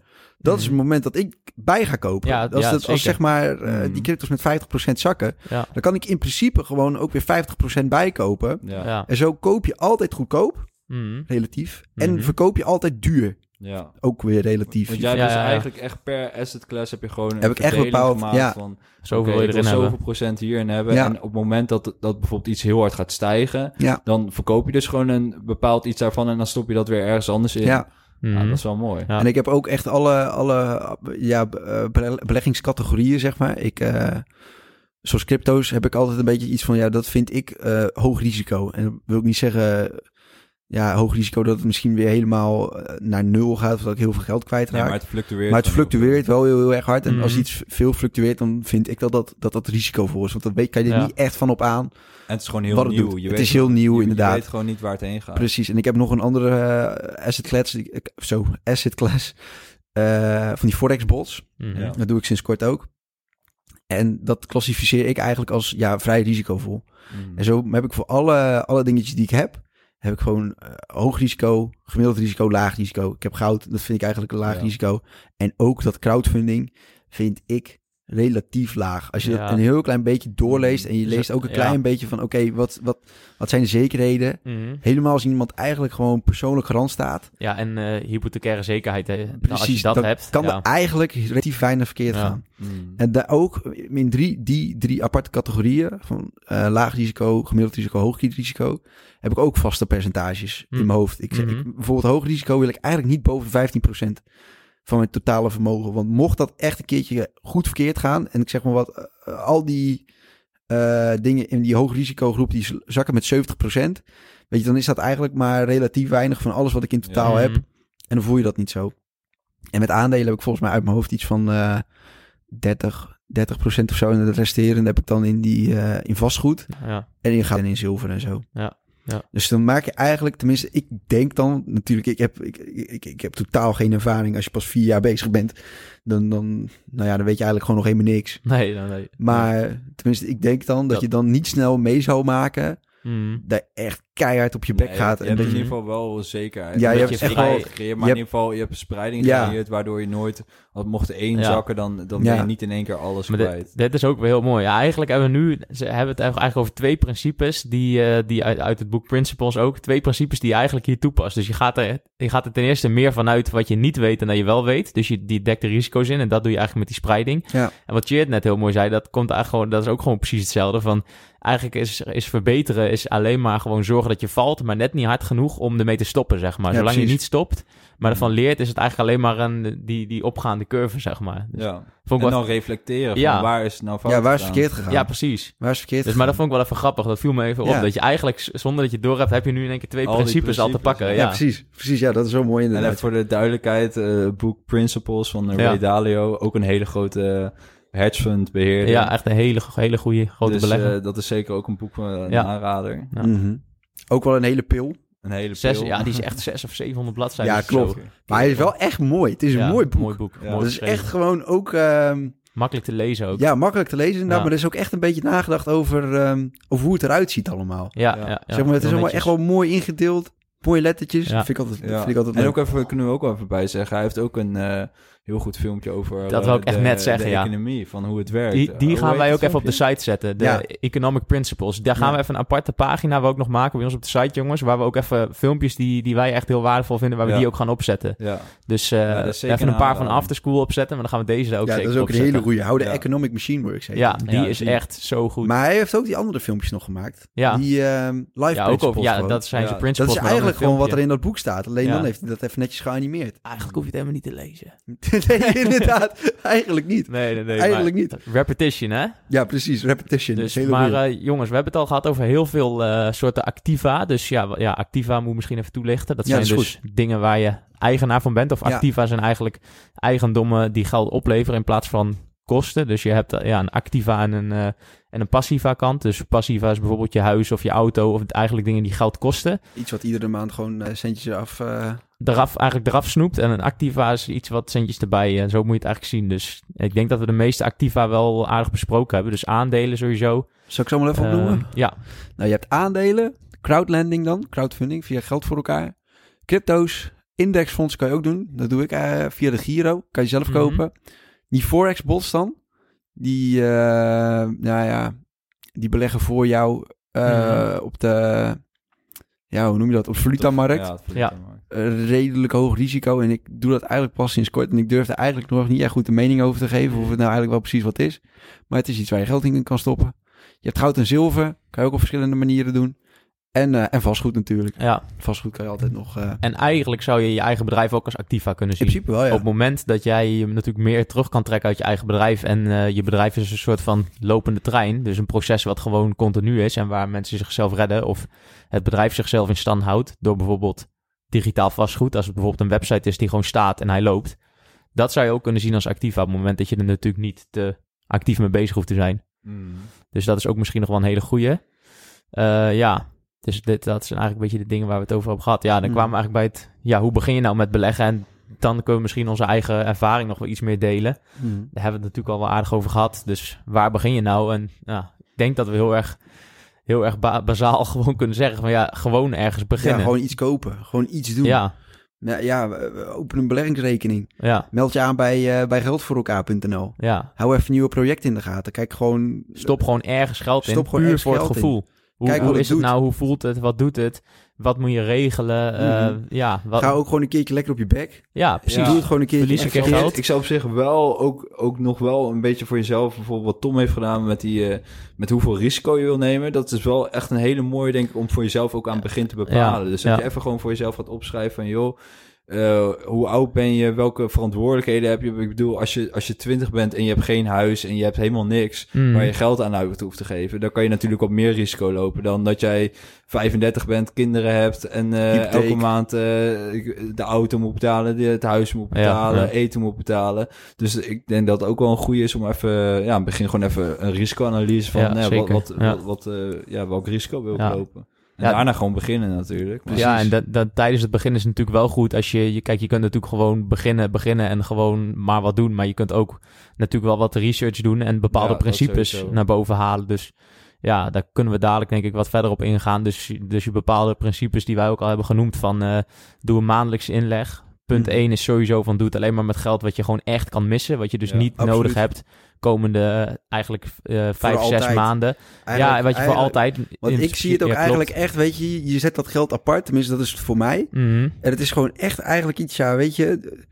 Het, ik, ik haal het ook gewoon überhaupt niet in mijn hoofd om het Nee, ervan om af, het te er halen af te halen. En, Nee, en, en er iets van te kopen. Nee. Een, een auto of zo, zeg maar. Nee, nee, nee. Het is eigenlijk zo inderdaad van als je er eenmaal op hebt gezet, dan, dan mag je het er ook niet meer afhalen. Nee, eigenlijk niet. Of in, in ieder geval, je mag het wel afhalen om her te verdelen, maar niet omdat je denkt van, oh, deze maand is wel even krap. Nu ga ik er weer even, nu moet ik Precies. weer wat eruit En trekken, los wel. daarvan is het ook gewoon heel erg van, ze zeggen altijd, je moet zonder emotie gaan handelen. Ja, En op het moment dat jij geld in gaat zetten, wat je dus eigenlijk niet kan verliezen, ja, dan ga je automatisch met emotie Ja, handelen. echt. Want dan wil je het niet Mhm. verliezen. Terwijl als jij jij Ja, als je gewoon het- eh, het doet met geld wat je wel kan verliezen, dan kan je veel relaxter en gewoon, ja, dan hoef je niet elke keer te stressen als het Ja. een keer een beetje Ja. zakt. Want het gaat soms ook zakken, dus dan hoef je Ja, daar niet om te stressen. ja. Ja, weet je, dan moet je er ook inderdaad eigenlijk voor zorgen dat op het moment dat je gewoon echt een flinke koersdaling meemaakt, Mhm. want als je hieraan begint, dan ga je, dan, dan teken je er ook gewoon voor dat je dat een keer mee gaat maken. Mhm. Mhm. Iedereen die begint met beleggen gaat een keertje meemaken dat je gewoon je totale waarde gewoon een keertje ziet zakken met 50%. Ja, precies. Dat ja. gaat gebeuren. En dan moet je jezelf afvragen van oké, weet je, hoe reageer ik daarop? Ja. Raak ik dan in paniek? Of zie je dan bij jezelf van ja, weet je, eigenlijk zo'n zo'n daling brengt ook gewoon echt absurde kansen met zich mee. Ja, klopt. Want dat zorgt echt voor, ja, eigenlijk, eigenlijk is dan alles in de aanbieding. Mhm. En eigenlijk moet je dat dan gewoon net zo zien als dat je in de stad loopt en dat je alles ziet met 50% afvalprijs. Ja. Weet je, dan moet je denken van, oh yes, kansen, weet je wel. Dan moet Ja. je niet denken van, oh shit. Maar dan moet je wel kunnen. Dan Als je dan al je geld al erin hebt zitten, dan, dan kun je, dan kun je ook niks meer, zeg maar. van eh, Warren Buffett. Sell when others are greedy and buy when others are fearful. Ja, Dat is hem. Ja, ja, ja, eigenlijk Klopt. wel. Ja, ja. klopt. Daar komt het En op dat neer, je pas inderdaad. ziet als... eh Ja, eh, je- maak hem even. Ja, you can only eh, see who's eh, swimming eh, naked when the tide is low. Juist. Dus als, de, dus als het water weg is, dan kun je pas zien wie er al die tijd geen, geen zwembroek aan heeft gehad. en dat zie je En niet dat als het allemaal goed gaat. Nee, als alles goed gaat, dan gaat het bij iedereen goed. En als het slecht gaat, dan, Ja. dan gaat het bij sommige mensen natuurlijk helemaal slecht. Precies, hoe, ben je, hoe doordacht ben je dan, hè? Ja, precies. Heb je er Ja. rekening mee gehouden dat water Nou ja, ook nog en- een keertje weg kan? Nou, en dat is denk ik ook wel een heel goed basisprincipe. Dus het is natuurlijk wel goed om het gewoon te stoelen op een paar basisprincipes. En daar zullen we denk ik ook op de site nog wel wat info, wat ja, van onze, ja. Wat wij hebben geleerd opzetten. En gewoon puur omdat het ook gewoon leuk is om te delen. Maar ik denk ook een goed basisprincipe is dus inderdaad van ja, doe het met geld wat je kan missen. En heb Ja. altijd gewoon een emergency fund, zeg maar. Juist. Dus zorg dat je altijd voor zes, zeven maanden of misschien een jaar te leven hebt. Dat dat altijd op je rekening staat. Ja. En dat, en dat de rest van het geld, ja, kijk, daar kun je mee, eh, daar kun je mee aan het werk, daar kun je mee spelen. Maar zorg gewoon dat je, dat je de eerste zes, zeven maanden, dat je gewoon safe zit. Stel dat alles een keer helemaal misgaat. Ja. Ik denk dat, ja, er En- zijn natuurlijk En wel een paar... daarnaast ook van, als jij op een gegeven moment hebt besloten van, ja, ik ga beleggen. Je hebt een bepaald bedrag voor ogen wat je wel zou kunnen missen. Dat je niet in één keer alles erin gaat stoppen. Nee, precies. Maar dus dat je echt gewoon eh, gespreid gaat kopen. Want daar hebben we het nog niet echt over gehad. Mhm. Van, het is ook heel belangrijk dat je bijvoorbeeld gespreid gaat kopen. Want ik bedoel, nu kan, kan de koers een bepaalde waarde hebben. Maar voor hetzelfde geld is die over een maand is die weer wat gezakt. En de volgende maand is die weer wat gestegen. En als je dus Mhm. elke maand koopt, koop je dus het gemiddelde van die koers. In plaats van dat je nu in één Ja. keer koopt. En hij zou heel hard zakken. En je Mhm. volgende maand denkt, shit, had ik nu maar gekocht. Dit hebben wij een keer gedaan, hè? Ja. Dit Ja, hebben wij een keer ja. gedaan. Met Gold, met Gold Republic. Ja, Gold Republic. Toen hadden we allebei wat geld op de rekening staan. Zeiden we, oh, de Gold Republic, joh, dat is het. Dan kan je echt heel mooi gauw mee komen. Bas, gelijk een hele klap geld erop gezet. En daarna Ja. ging het helemaal verkeerd. Daarna meteen zakken. En toen zijn we gelijk tegen elkaar, dat hebben we niet goed gedaan. Nee. Nee, dat klopt. Ja, dat, dat, dat is inderdaad wel vaak de vraag. Van, stel dat je nou echt een som geld hebt staan op dit moment. Wat is Ja. dan beter? Investeren nu gewoon alles? Of, of zeg maar die dollar cost averaging. Dus elke maand iets bijkopen en dat verspreiden. Ik zou En gewoon daar- zeggen inderdaad... Of, sorry, ja, maar, ja, daar zijn de meningen denk ik een beetje over verdeeld. Want het ligt er ook waar je het in stopt. Want sommige mensen zeggen van ja, als je het in aandelen stopt bijvoorbeeld, heb je ook altijd gewoon dividendrendement. Ja, dus ja, Het, ja. het- de, de tijd Ja, dat je als geld losse stilstaat. aandelen gaat kopen, inderdaad. Ja, losse aandelen. Of, eh, maar goed, dus daar zijn de meningen iets over verdeeld. Maar ik zou inderdaad, wat, wat Sjeerd zegt, is wel, eh, is wel zo. Als je nu Ja, begint, zou ik wel gewoon beginnen met mondjesmaat dingen kopen. Ja, je kan natuurlijk gewoon een beetje een tweedeling maken. Je kan Ja, natuurlijk zeggen, precies. stel je voor je hebt 10.000, dat je nu gewoon 5.000 meteen doet. ja, omdat precies. je gewoon ja. en meteen gespreid allerlei dingetjes gaat kopen. En daarna ga je gewoon die, Ja, die overige ja. 5.000 Dat is denk ik, verdelen. Dat is denk ik wel het beste, ja. Ja. Zou ik doen. Ja. Tenminste, ik heb het één keertje verkeerd gedaan. Dat weet ik ook. ja. Ik weet ook nog dat ik dat geld overmaakte. En dat ik ook eigenlijk dacht, van, eigenlijk wat ik nu doe, dat klopt eigenlijk niet. Nee. Nee. Ik weet nog dat ik ermee bezig toch was. ga ik het doen. Ja, toch ga Toch ik voelt het lekker. Ja, maar toch, soms, Ja. soms voelt het ook gewoon lekker om Ja, gewoon precies. wel even lekker, lekker over de schreef te gaan. Zeg Ja, maar. dat je gewoon ik ga nu gewoon afwijken van mijn, van Ja. mijn verdeling. Maar Ja. ik wil nu gewoon even dit Ja, kopen, weet je wel. precies, Precies. Maar dat kwam ook wel heel erg, want we waren toen wel heel erg bezig met van, nou ja, we, we zagen da- dat die, dat die inflatie eraan gaat ja. klopt. komen. En we Ja, dachten ja. echt allemaal van, oh, het kan nu wel eens heel goed fout gaan. Ja, En toen dachten we van, we gaan meteen goud en kopen. Ja, precies. ja, ja. Ja, dat bleek toch niet zo'n goed idee te zijn. Ja. Nou ja, het viel in principe ook Ah, nog ja, wel mee, maar het is wel hebt- zonder Je hebt geld. het gewoon. Het Ja, maakt- je hebt het ook, precies. Ja, Het Dus maakt allemaal niet uit. Nee, het maakt ook niks uit. Precies. ja. Waar gaan we het verder over hebben, jongens? Ja, verder- staat er verder Nou, nog we op? kunnen verder nog ook wel even behandelen van... eh, kijk, je hoort altijd mensen zeggen van... Ja, kijk, als ik eh, straks eh, veel geld heb, dan ga ik beleggen. Mhm. Dat, eh, dat David heeft daar heel mooi in boeken gelezen Mhm. van eh, Tony Robbins... die dat eigenlijk heel goed uitlegt. ja. En die Ja. zegt eigenlijk dat je gewoon dus eigenlijk veel beter wel meteen nu kan beginnen... want die Mhm. grote klapper die komt voor de meeste mensen mensen niet. En Ja. je hebt ook wel goede voorbeelden van, eh, van wat, wat dat kleine beetje geld kan doen. Ik weet niet of je daar wat meer over kan vertellen. Ja, dat wil ik wel. Dat, eh, dat vind ik wel leuk.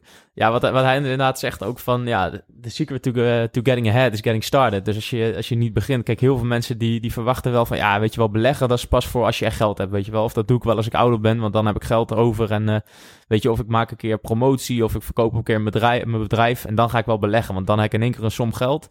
En eh, dan wordt alles anders, weet je wel. Maar voor de meeste mensen is dat heel cru gezegd. Komt dat moment misschien helemaal niet. Weet je?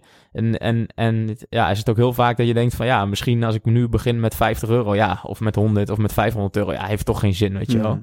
Maar ja, dat, vaak is het dus juist wel dat je met hele kleine bedragen uiteindelijk wel iets heel moois kan opbouwen als je maar gewoon begint. En dat is denk ik dat het voor, voor heel veel mensen lijkt het zo van ja, ik, ik begin niet, want eh, ik heb te weinig geld en het is niet overzichtelijk, zeg maar. Weet je, beleggen, als je, dat, dat, dat vind ik zelf ook wel echt gewoon heel frustrerend. Als je, ding, als je, als je ermee bezig gaat, je gaat dingen opzoeken. Ja, je wordt gewoon doodgegooid met Het is informatie. een oerwoud. Het is echt En, een oerwoud. ja, en, en, en weet je, als je bij de Rabobank of ergens gewoon klikt, je krijgt meteen een paar pakketten en daar moet je op klikken en that's it, weet je wel. En, maar en nu niet meer, hè, want we hebben nu ondernemend eh, de podcast nu hebben we ondernemend de podcast. ja, daar gaan we het wel echt ja. over hebben. Ja, Dan gaan we echt wel proberen eventjes ietsjes duidelijker te maken. inderdaad. Ja, nou, Want dat- als je dat zelf allemaal uit moet zoeken en vooral... Ja, ik wou toen ook een beetje beginnen inderdaad met die indexbeleggen Ja, en met, ja. eh, met ETF's. Nou jongen, als je op de Giro gewoon alleen kijkt en je denkt gewoon van... Ja joh, ja. wat moet kopen? Maar hoe, hoe selecteer je nou inderdaad? Hoe selecteer je nou bijvoorbeeld een goed fonds of een goed indexfonds? Of hoe kom je er nou achter? Weet je wel, ja, ik ben ook begonnen met losse aandelen en toen eh, ETF's. Dus dat zijn eh, exchange traded funds, zeg maar. Dus dat zijn ook een soort van aandelenmandjes en uiteindelijk naar indexfondsen, zeg maar. Maar ja, tuurlijk moet je wel een bepaalde weg bewandelen om dingen te vinden. Maar het is soms zo, zo frustrerend dat het, er is zoveel informatie, maar niet echt informatie je zegt van, oh, hier heb ik meteen echt, echt wat aan, zeg maar. Tuurlijk, er, zijn echt, er zijn echt goede blogs en zo. Dat, dat, die zullen we ook op onze site delen waar, waar wij wat aan hebben gehad. Maar er, zijn, er is ook gewoon, gewoon zoveel dat het gewoon zo onderzichtig is. En dat is ook vaak gewoon het hele grote probleem. En dat is wat, wat Tony bijvoorbeeld heel mooi in dat boek ook zegt. Kijk, als je mensen voor een, voor een probleem zet of voor een keuze... en die keuze die lijkt veel te groot, dan bevriezen mensen. Dus dan doen ze gewoon niks. En zo is het ook vaak met persoonlijke financiën. Want het is zo groot, het is Ja. zoveel... eh, dat mensen er gewoon maar niks aan doen. Want dat is het makkelijkste. Kijk, de- bijvoorbeeld ook met, eh, met het donorschap of zo. Dus bijvoorbeeld, daar had hij een mooi, heel mooi voorbeeld van. Van eh orgaandonoren, zeg maar. Dus bijvoorbeeld in, in Oostenrijk, het ene land, zeg maar... was echt iets van, ja, 90% van de mensen was donor. Maar daar was de standaard ingevulde keuze was ja. En in Duitsland precies andersom, weet je wel. Hmm. En dat is misschien niet helemaal een goede vergelijking. Maar hij zei wel van ja, op het moment dat mensen voor een grote keuze worden gezet. Dan is, het, dan is eigenlijk het meest natuurlijke. Als ze het niet weten, doen ze niks, zeg maar. Dan doen ze gewoon niks. En zo is het met financiën en beleggen ook, zeg maar. ja. Dus dat is het hele gevaar. Dat mensen niet beginnen omdat ze, het, omdat ze het niet kunnen overzien. En omdat ze denken dat ze het niet genoeg hebben om te beginnen. Misschien is dat wel gewoon een hele goede uitdaging voor de mensen die nu luisteren. Ja, Ik daag jullie nu gewoon allemaal uit. Begin nu. Ja, vandaag. Gewoon nu. Het kan gewoon zo simpel zijn als gewoon een beleggingsrekening openen. Heel veel, eh, tenminste, je hoort ook wel vaak bij Tony Robbins met dat beheerd beleggen en zo, dat hij zegt, ja, weet je, dat moet je eigenlijk niet doen, Mhm. verborgen kosten en zo. Maar ik ben daar zelf vanuit de praktijk eigenlijk wel achter gekomen. Helemaal eigenlijk als je niet zo absurd veel geld hebt. Kijk, weet je, als je op een Mhm. gegeven moment echt meer dan een miljoen hebt. En je gaat echt ja, flinke kosten betalen, dan is het echt wel serieus een hoop geld. Mhm. Maar gewoon voor mensen thuis, die gewoon misschien wel een leuk, leuk bedrag op de rekening hebben staan. Denk ik eigenlijk dat je altijd eigenlijk wel gewoon een beheerd beleggenrekening kan openen bij, bij je eigen bank. Ja, De meeste banken hebben dat wel. ING Mhm. heeft dat, Rabobank heeft dat, Knap Mhm. heeft dat volgens mij uit mijn hoofd ook. In ieder geval, Doe dat gewoon. in ieder geval om te beginnen. En om gevoel te krijgen bij de markt. En dat, dat is ook moet je wel... overschakelen. Daarna moet je, Daarna op, moet je wel op een gegeven moment komt er een punt dat je gaat overschakelen. Je, je spreekt ons eigenlijk een beetje tegen. Oh, vertel. Ja, Want eh, je zegt, ja, die kosten maken niet uit. Omdat, je, omdat als je straks heel veel geld hebt, ja, dan zijn die kosten heel, Ja, heel veel. dat is waar, dat is waar, eigenlijk dat is waar, nu dat is waar, nu dat is nu waar. Die twee, nu die paar Klopt. procent kosten, ja en dat, Klopt. die tellen op. En Klopt, dat is echt- dat is wel waar. Dat is wel waar. dat is echt gevaarlijk, zeg maar. Dat die, die, die kosten die gaan uiteindelijk heel erg ten, ten koste van je, van je rendement. Klopt. En je rendement op je rendement op je rendement over, Over de jaren. over 20, 30 jaar. Ja, dat is natuurlijk, ja, dat is altijd... Jullie lachen me altijd een beetje uit, omdat, omdat ik het altijd heb over, over 10 of 20 of 30 jaar. Ja. En rente op rente. Maar dat maakt me niet uit. Ja, maar wij, wij hebben nogal een beetje een verschillende manier van, eh, Ja. van beleggen. Allemaal. We hebben allemaal Alle- een alle andere... drie. Alle drie. Nou, jullie twee lijken nogal redelijk op Ja, elkaar. ja, Maar kijk, weet je wat het Eigenlijk een Hè? vreemde eend. Ja, ja. Je hebt wel bijna het meeste succes, maat. Ja. Dat is wel echt zo. Dat is echt zo. Ja. Maar kijk, weet je, dat is eigenlijk het verschil tussen jou en mij. hè. Kijk, bijvoorbeeld dan even met die crypto's. Kijk, wat ik zeg. Kijk, weet je, ik heb voor mezelf bepaald... ik wil gewoon dat het niet meer is dan 10% van alles wat ik heb. En dat zorgt ervoor dat ik eigenlijk een heel stabiel... ehm, ja, inkomen daaruit trek, zeg maar. Ja. Dat Mhm. bedrag wat ik daarop heb staan, dat zal nooit mega, echt keihard groeien. Mm. Maar het zal ook nooit echt gewoon buiten proporties veel gaan zakken. Nee. Het zal Ja. altijd iets zijn wat ik kan handelen.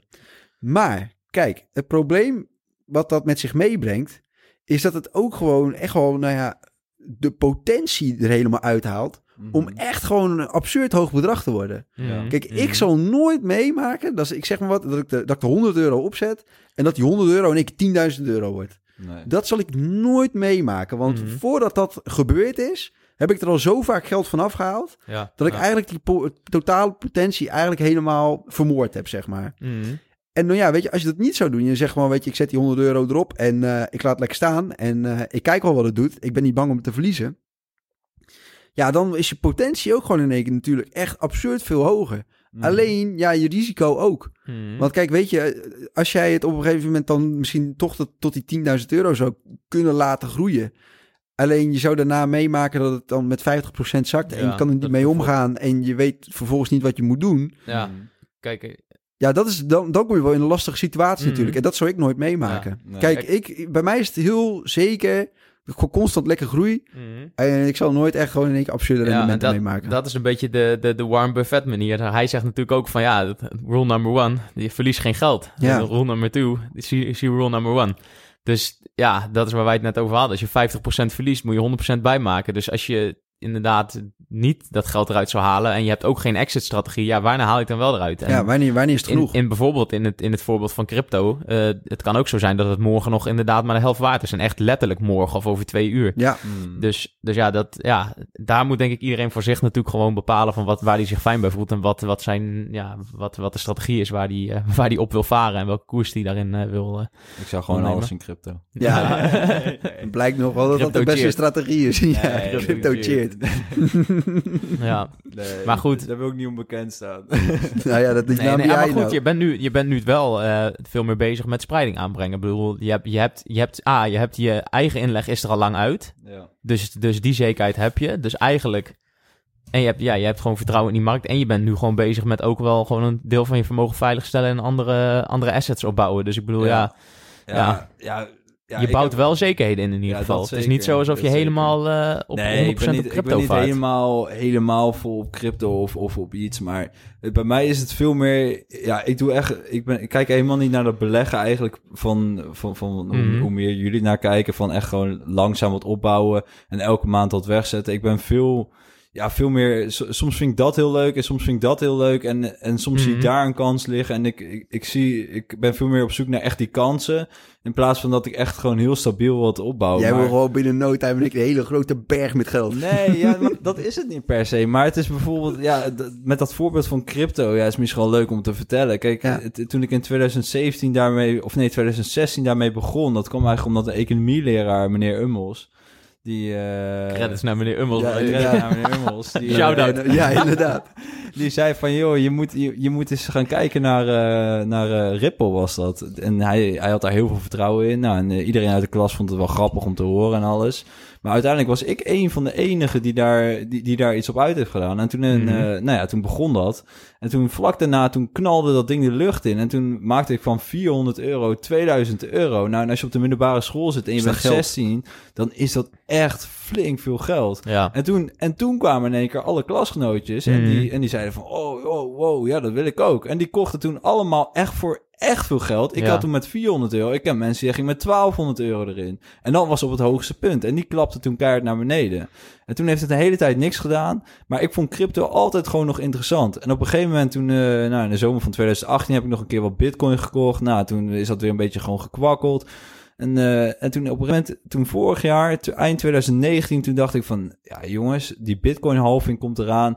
Eh, d- er zit zoveel nieuwe technologie in. Het is Mhm. echt gewoon een markt waar zoveel potentie in zit en waar echt gewoon heel veel in zit. Ik denk van, dit, dit kan hem gewoon eens gaan worden. En ik ben dan gewoon wel iemand die dan wel gek genoeg is om alles wat hij van Ome Duo heeft geleend, iets van acht- 8000 euro. Dat is absoluut geen advies. Geen advies, echt Absoluut geen advies. Echt niet doen, echt niet Nee. doen. Nee, echt niet doen. Bij jou Maar heeft het wel gewerkt. ik, ik, ik had gewoon volle vertrouwen in de markt. Bitcoin stond toen op iets van 6000 euro of iets, zoiets. Ik weet niet meer precies wat het was. Ik ben daar gewoon vol ingegaan. En ik heb toen ook tegen Tom gezegd Ja. van... ik ga van die 8000 euro, ga ik een ton maken. En iedereen zei Mhm. van ja, ja, ja, ja, maar ja, het is crypto. En eh, ja, nou ja, dat moeten we allemaal nog maar even zien. Nou, uiteindelijk heeft Tom heeft ook wat gekocht. David heeft ook wat gekocht.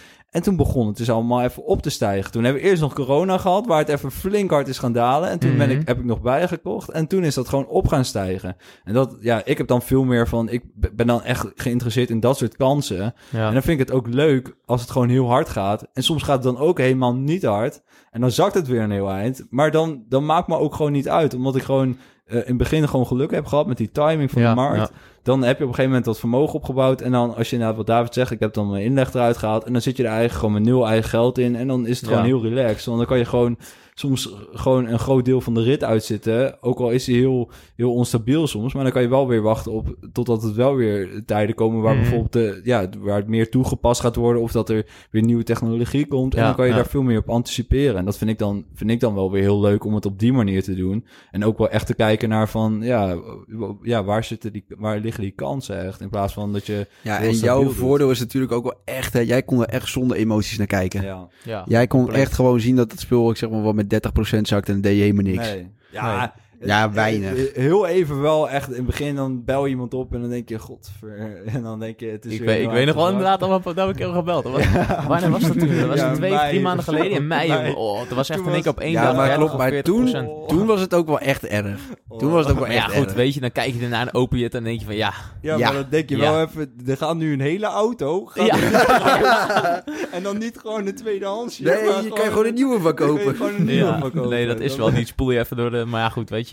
Maar ja, dat Als je er toch voor de lange termijn in zit. En dat, ja. En maar dat is ook het leuke. Kijk, dat heb ik wel. Dat, dat, dat ja, wil ik wel meegeven. Zeg maar, als je jong bent en je hebt, je hebt weinig vaste dingen, Ja, dan absoluut, kan dan je, kan je je dit dit soort dingen 100% gewoon doen. En dan Ja. is het ook gewoon leuk. Want ik Precies. bedoel, hoe leuk is het als je gewoon een keer. Als je dit gewoon een keer meemaakt. En, Ja. en daarom, als je het ook gewoon met geld. Kijk, niet op mijn manier dan doen. Maar gewoon met, gel- met geld wat je wel kan Wat van jezelf is en wat je kunt dan, verliezen. dan, kan je- dan is het ook gewoon. Dan, dan leer je er ook heel veel van. En als je het gewoon Ja, ook zo 100%. bekijkt, dan is het ook wel weer heel grappig. En dan kan je. Ja, het brengt ook mooie dingen met zich mee. ja, 100%. En als je daarna, mocht je een keer wat verdienen en je haalt het er dan uit en je doet, gaat het daarna ook nog weer goed toepassen, dat je het echt Mhm. gaat herverdelen, dan creëer je Ja, denk ik wel echt dan creëer je echt een goede basis. ja, een goede Ja. basis. En je bent nu ook jong en je kan, je kan gewoon risico lopen nu. Je kunt niet verliezen. Je kan niet Je verliezen. kunt alleen maar leren. Ja, je kan alleen maar leren. Dat Ja. is ook mooi. Misschien is dat wel een goeie om het even te zeggen. Weet je, wat jij nou net zegt. Veel mensen die denken misschien als ze, ik zeg maar wat, met 50 euro per maand moeten beginnen. Dat ze dan zoiets hebben van, ja weet je, dat is eigenlijk veel te weinig. En daar bouw je niks mee op. Hmm. Maar misschien dat je het dan niet moet zien als, eh, als iets waar je zelf eh, iets mee op moet bouwen. Maar dat je het een beetje ziet als een investering in je eigen, in je eigen Je ervaring. eigen kennis, Ja. ja. Dat je het gewoon ziet als van, ja weet je, 100%. als ja. Je leert gewoon over geld. Ja. Gewoon. Dat is eigenlijk jouw 50 euro leergeld. Net Ja. zoals dat je bijvoorbeeld 50 euro zou betalen om, om eh, gitaarles te hebben, is dit jouw Ja. 50 euro om, Ja. om kennis te vergaren over geld. En, en als je dan gewoon met die 50 euro een beetje gewoon al, een beetje in alle markten gaat kijken, Mhm. inderdaad, dan, dan leer je er op die manier. En dat is ook het hele verschil. Hè? Want zodra je ergens geld in stopt, dat, dat is dus ook, dan heb je een soort van binding op het moment Ja. daarmee. Dus dan heb je jezelf een soort van verplicht om ermee bezig te zijn. Want Ja. kijk, ik kan nu zeggen van, ik, eh, ik zet bijvoorbeeld eh, Cardano zet ik op eh, favoriet in, in mijn app, weet je wel. Maar Ja. ik koop het niet. En dan kijk ik wel wat de koers doet. En dan kijk je er dus nooit je meer nooit naar. in de gaten. Want dan interesseert het je eigenlijk niet. En op het moment, En ook al je het- ook al heb je maar een tientje gekocht, dan ga je toch in het begin elke dag even kijken, oh, wat doe ik een tientje, weet je wel, Ja. een tientje. Dus het, ja, het gaat eigenlijk inderdaad meer om een, die leer, leercurve en dat je gewoon ergens maar in zit en dat je, dat je ergens geld, eh, geld in steekt. En, en je leert ook over tijd, zeg maar, als jij, als jij op een gegeven moment vijf jaar belegt, dan ga je tijden meemaken dat het niet goed gaat. En dan Mhm. zie je ook welke assets in die tijden zakken en welke Ja. stijgen. Dus op een gegeven moment, je, leert, je precies. leert automatisch eigenlijk gewoon over geld. Ja, En door en, het en de doen. marktwerking, ja. En de marktwerking. En dat is als je dat inderdaad, als je op een gegeven moment natuurlijk die eh, economic principles echt goed zou begrijpen, en je, dan kun je daar natuurlijk, dan, dan kun je daar heel veel mee. Want dan, weet je ook wat er in de markt gebeurt. En dat is ook wel het mooie. Want als je, als je met, dat, eh, met dat in je achterhoofd ook naar de markt kijkt, met die cycli, en je, je, ja, je hebt dat een beetje bestudeerd en je weet een klein beetje hoe het werkt met de, met de kleine, kleine e- economische fluctuatie en dan de grote cyclies, zeg maar, dan kun je ook met veel meer vertrouwen in zo'n markt stappen. En dat, dat gevoel heb ik nu bijvoorbeeld ook met aandelen, weet je wel. Kijk, ik, ik weet dat het best wel een groot deel van mijn uh, belegd vermogen in aandelen zit. En ik weet dat het best wel risicovol is. En ik weet ook dat we nu in een hoogconjunctuur zitten.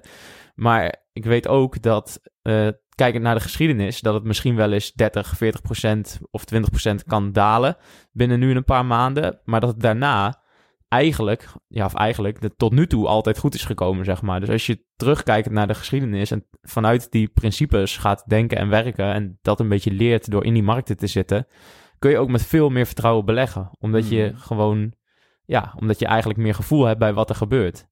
Dat is denk ik het grootste risico, dat mensen instappen zonder kennis en uitstappen op het moment dat de markt het slechtste is, omdat ze geen vertrouwen meer hebben. Ja, zeker, zeker. Daar moet je even voor uitkijken als beginner. Ja. Want dat, dat doen heel veel Dat mensen. doen heel eigenlijk. veel mensen. Ja. ook die, eh, ook in crypto. vooral in crypto Vooral in crypto. Vooral in crypto. Ja, Dat is echt zo, weet je, mensen op het, moment, op het moment dat het echt gewoon keihard stijgt, dat is zo tegenstrijdig eigenlijk. Mhm. Dan we, eens, oh, ik, ik moet er meer kopen, Ja. jongen. Mhm. Dat is echt zo. hè. Dat is gewoon je, je instinct. Als je Ja. iets gewoon zo ziet stijgen, dan, dan, dan denk je automatisch van, oh gek, daar moet ik er nog meer van hebben. Ja. Terwijl je dan eigenlijk moet denken van, nou moet ik op gaan letten, ja. want als dit de hele, dit kan niet gewoon de hele tijd zo Mhm. blijven stijgen. En Ja. ook juist als mensen zien dat het echt gewoon als een baksteen als het aan het zakken is, want dan doet dat, dat doen een paar van die vrienden van mij nu.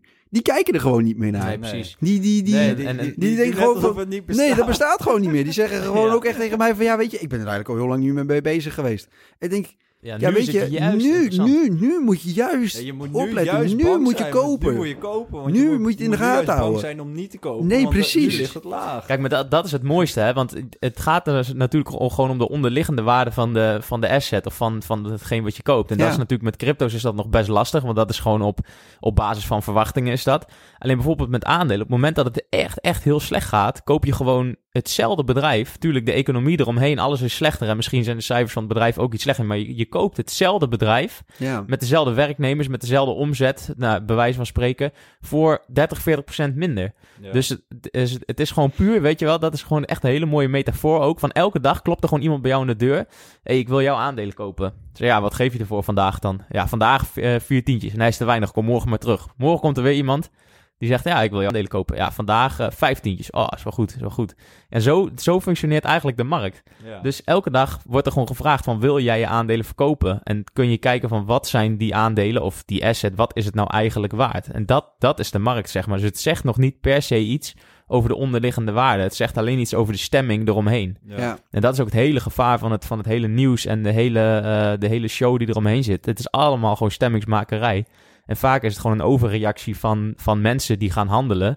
Waardoor, waardoor de koers dus heel erg fluctueert. Maar het verandert nog steeds niks aan de onderliggende waarde van iets. In de meeste gevallen. Ik heb hier misschien ook nog wel even een, goede, goed verhaal over. Want eh, ja, zoals mensen misschien ondertussen wel weten, ik zit in de bloemen. En als jij eh, bloemen koopt op een veiling, nou ja, weet je, dan wordt eigenlijk elke dag ook weer opnieuw de prijs bepaald van een bloem. Mm. Weet je, iedere dag vinden, nou ja, vraag en aanbod elkaar weer opnieuw. En ieder, nou ja, iedere ochtend wordt de prijs weer opnieuw bepaald. En iedere ochtend is de stemming anders. Dus iedere ochtend Ja. ja, verloopt dat hele verkoopproces ook heel erg anders. Alleen, ehm, ik weet nog wel, toen net corona in Nederland kwam, dat werd op een zondag, werd dat bekendgemaakt, dat dat toen in, eh, in Nederland geconstateerd werd. Mm. En toen heerste er zo'n absurde onzekerheid. Mm. Ja. Want wij zaten toen nog op een veiling waar alles gewoon open was. Mm. Weet je, iedereen liep daar gewoon door elkaar. Iedereen zat daar op die tribunes. En ehm, toen hadden we net een toespraak gekregen van de directeur over eh, dat er eh, waarschijnlijk maatregelen genomen zouden worden. En dat niemand eigenlijk nog echt wist wat er ging gebeuren. Maar dat er sprake Ja, ja. zou kunnen komen van een pandemie en dat iedereen dicht moest. Ja, dat was een, dat was een optie. Dat was Ja. iets Ja. wat, wat mogelijk was, zeg maar. En toen eigenlijk binnen no time... Ja, heerste er in één keer een, een, een vorm van paniek onder al die kopers daar. Al die mensen die daar zaten, Mm. die hadden in één keer zoveel last van onzekerheid eigenlijk. Mm. En die prijzen toen op die veiling, er zijn ook nog, eh, dat is echt toen ook nog op het nieuws geweest. En dat is toen echt nog wel groot landelijk nieuws geweest. Ja, die zijn toen gewoon in één dag echt me- gewoon met dik 80% geze- gezakt. Ja, ja, ja. Toen heb ik echt meegemaakt op, op, op die veiling dat gewoon hele partijen bloemen gewoon niet verkocht werden. Mm. Dat, dat, dat, dat, ja, dat is gewoon eigenlijk gewoon ondenkbaar. Dat je gewoon de mooiste van de mooiste rozen, echt gewoon bloemen die ik eh, nu in de winkel verkoop voor 1,50 euro per stuk, Mhm. die werden toen gewoon verkocht voor 2 cent. Niemand Ja, kocht ze. Ja. Mm. 2 cent. Dat je denkt, dat is gewoon helemaal Ja, niks. ja. Alleen, wat ik hier eigenlijk mee, mee wil zeggen, is dat onzekerheid zo'n absurde ja, marktdrijver is. Ja. Ja. Zodra er onzekerheid komt en mensen weten gewoon niet wat, een, wat de toekomst gaat brengen, Ja. ja, dan brengt dat zoveel, eh, eh, zoveel paniek en zoveel angst. En dat gebeurt eigenlijk ook op zo'n aandelenmarkt. Op het moment dat er bijvoorbeeld een crisis komt, of dat er eigenlijk is iets heel vergelijkbaars gebeurt op de, de Ja, ja, aandelenmarkt. zeker. Ook toen Lang niet eh, zo extreem, want dat ging niet met 80%, 90%. Ja, maar voor de Nee, maar was het ook wel echt... Ja, ook echt Ja. wel gewoon 40, 50 procent toen. Ja. Ja. Alleen, uiteindelijk bleek dat er niks aan de hand was. Mhm. Want dat was toen in maart. En nou ja, Ja, weet je, toen- alles bleek, bleef gewoon open. weet je, ja, eh, ja. nou ja, het, alles liep wel redelijk door. En ook in die week toen, ja, in die week toen hebben wij eigenlijk gewoon nog steeds heel erg goed verkocht. Ja. Dus dat was wel mooi, want dan hadden we die bloemen allemaal veel weinig en we konden gewoon doorverkopen. ja, dus dat was, wel gewoon dat- blijven kopen. ja, dat, dat, dat was wel heel fijn natuurlijk. Ja. Maar dat, Alleen, ja, dat is eigenlijk... In principe is er niks veranderd. Nee. Het enige wat veranderd is, is gewoon het idee van de toekomst van, van, Ja, van de Ja, mensen. Gewoon stemming. Gewoon een Ja. perspectief. En nou ja, weet je, dat, ja, weet je dat, dat, dat brengt gewoon ook enorme kansen met zich mee. Ja, Hmm. zeker. Zo moet je het ook zien. Ja, precies. Ja, ja. Dus ja. ja dat is wel eh, inderdaad wel een, wel een mooie, mooie metafoor eh, op die manier. ja, precies. Zo, Zo werkt het natuurlijk eh, uiteindelijk in elke markt. werkt Ja. het eigenlijk in elke markt inderdaad, ja.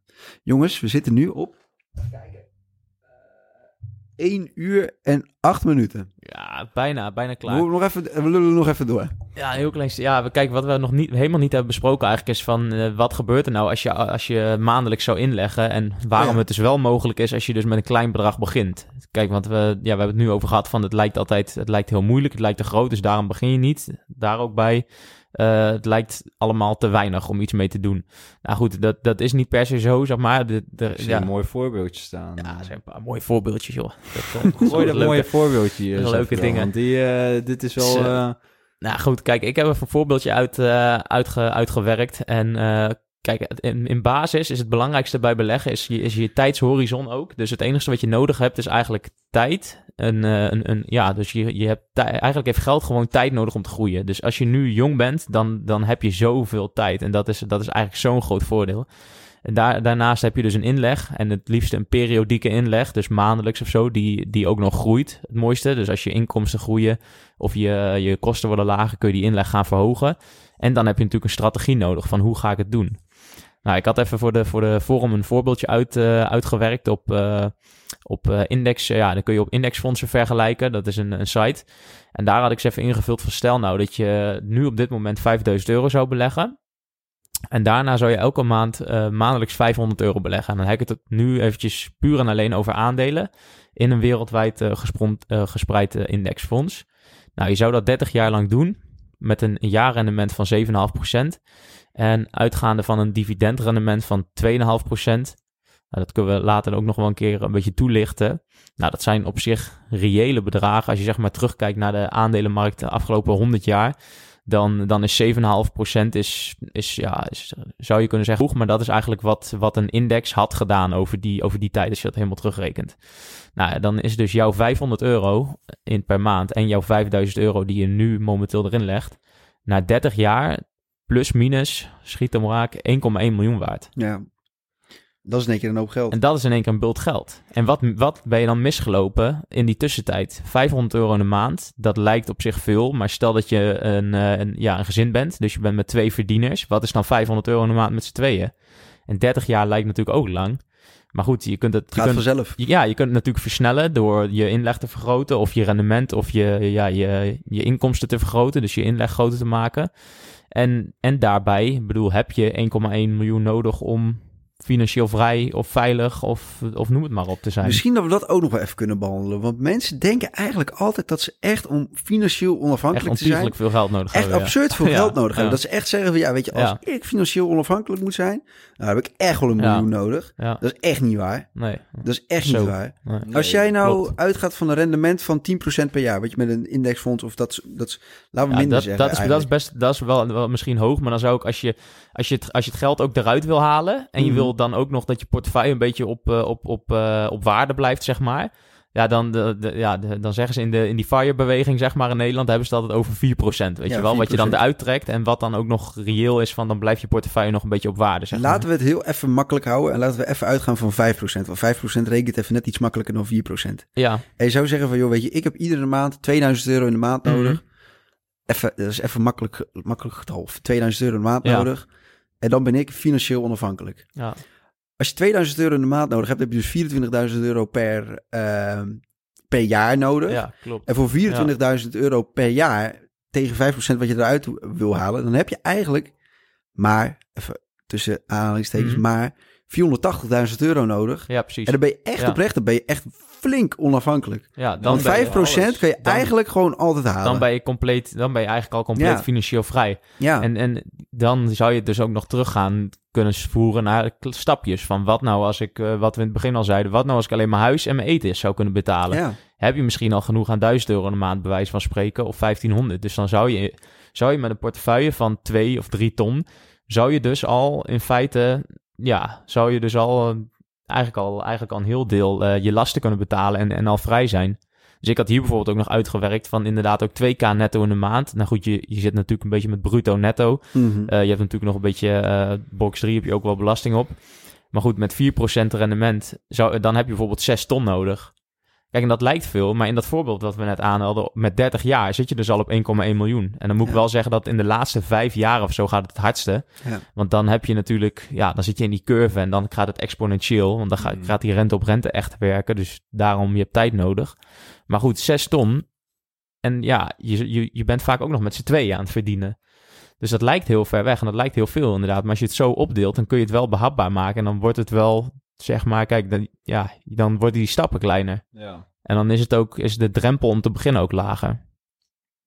Ja, het verschilt ook natuurlijk gewoon heel erg. Eh, Kijk, ben, je- ben jij iemand die dit wel, wel een beetje leuk vindt, maar niet super leuk vindt? Mhm. En je doet het op zo'n manier en eh, je bent er voor de rest niet heel veel mee bezig. Ja, dan, dan zul je er misschien 30 jaar over doen om zoiets te Ja, bereiken. ja, Maar is, vind jij het heel leuk en ga je er echt veel mee bezig? En heb jij bijvoorbeeld ook nog een paar mooie meevallers? Dan kan je Ja. natuurlijk ook nog veel harder groeien. Dus Ja, het is echt gewoon... Of- ja, het is ook heel afhankelijk aan de, van, van de persoon nog. zeker. Ja, of versnel je het door eh, extra inkomsten daarnaast. Dus door, door eh, bij te beunen of eh, meer te gaan verdienen of een eigen bedrijf op te bouwen. Of weet je wel, ja, je kunt, je kunt van alles verzinnen.